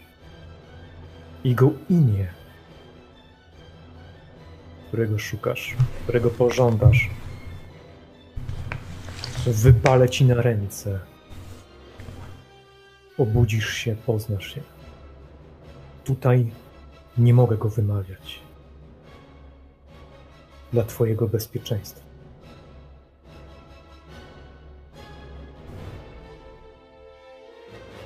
Ale kuli nie przegrałem, rozumiem, nie? Nie. To jest nadal w twoich rękach. Gramy dalej? ale już nie w zagadki. Nie, nie, dobra, oczywiście. Okej. Dobrze, niech tak się stanie. Idź już. Jestem zajęty. Wezwij mnie, jeśli będziesz mnie potrzebować. To już niebawem. Obracam się Ale i... tym razem zagramy w moją grę. Podobno gramy w grę, która ma reguły. Nie lubię, gdy wy, gdy wygrywasz. To Nic oczywiste. nie dostaję. To oczywiste. Dobrze. Biorę i spadam stamtąd. Rozumiem. Odwracasz się i wchodzisz w ciemność alejki, jeszcze widząc cienie przemykające w mieście. Może to nie cienie, może to twoja wyobraźnia. Miasto wygląda upiornie, nie takie jak zapamiętałeś. I te konstrukty, które wyrastają z talbastonu niczym wielkie czarne pnącza.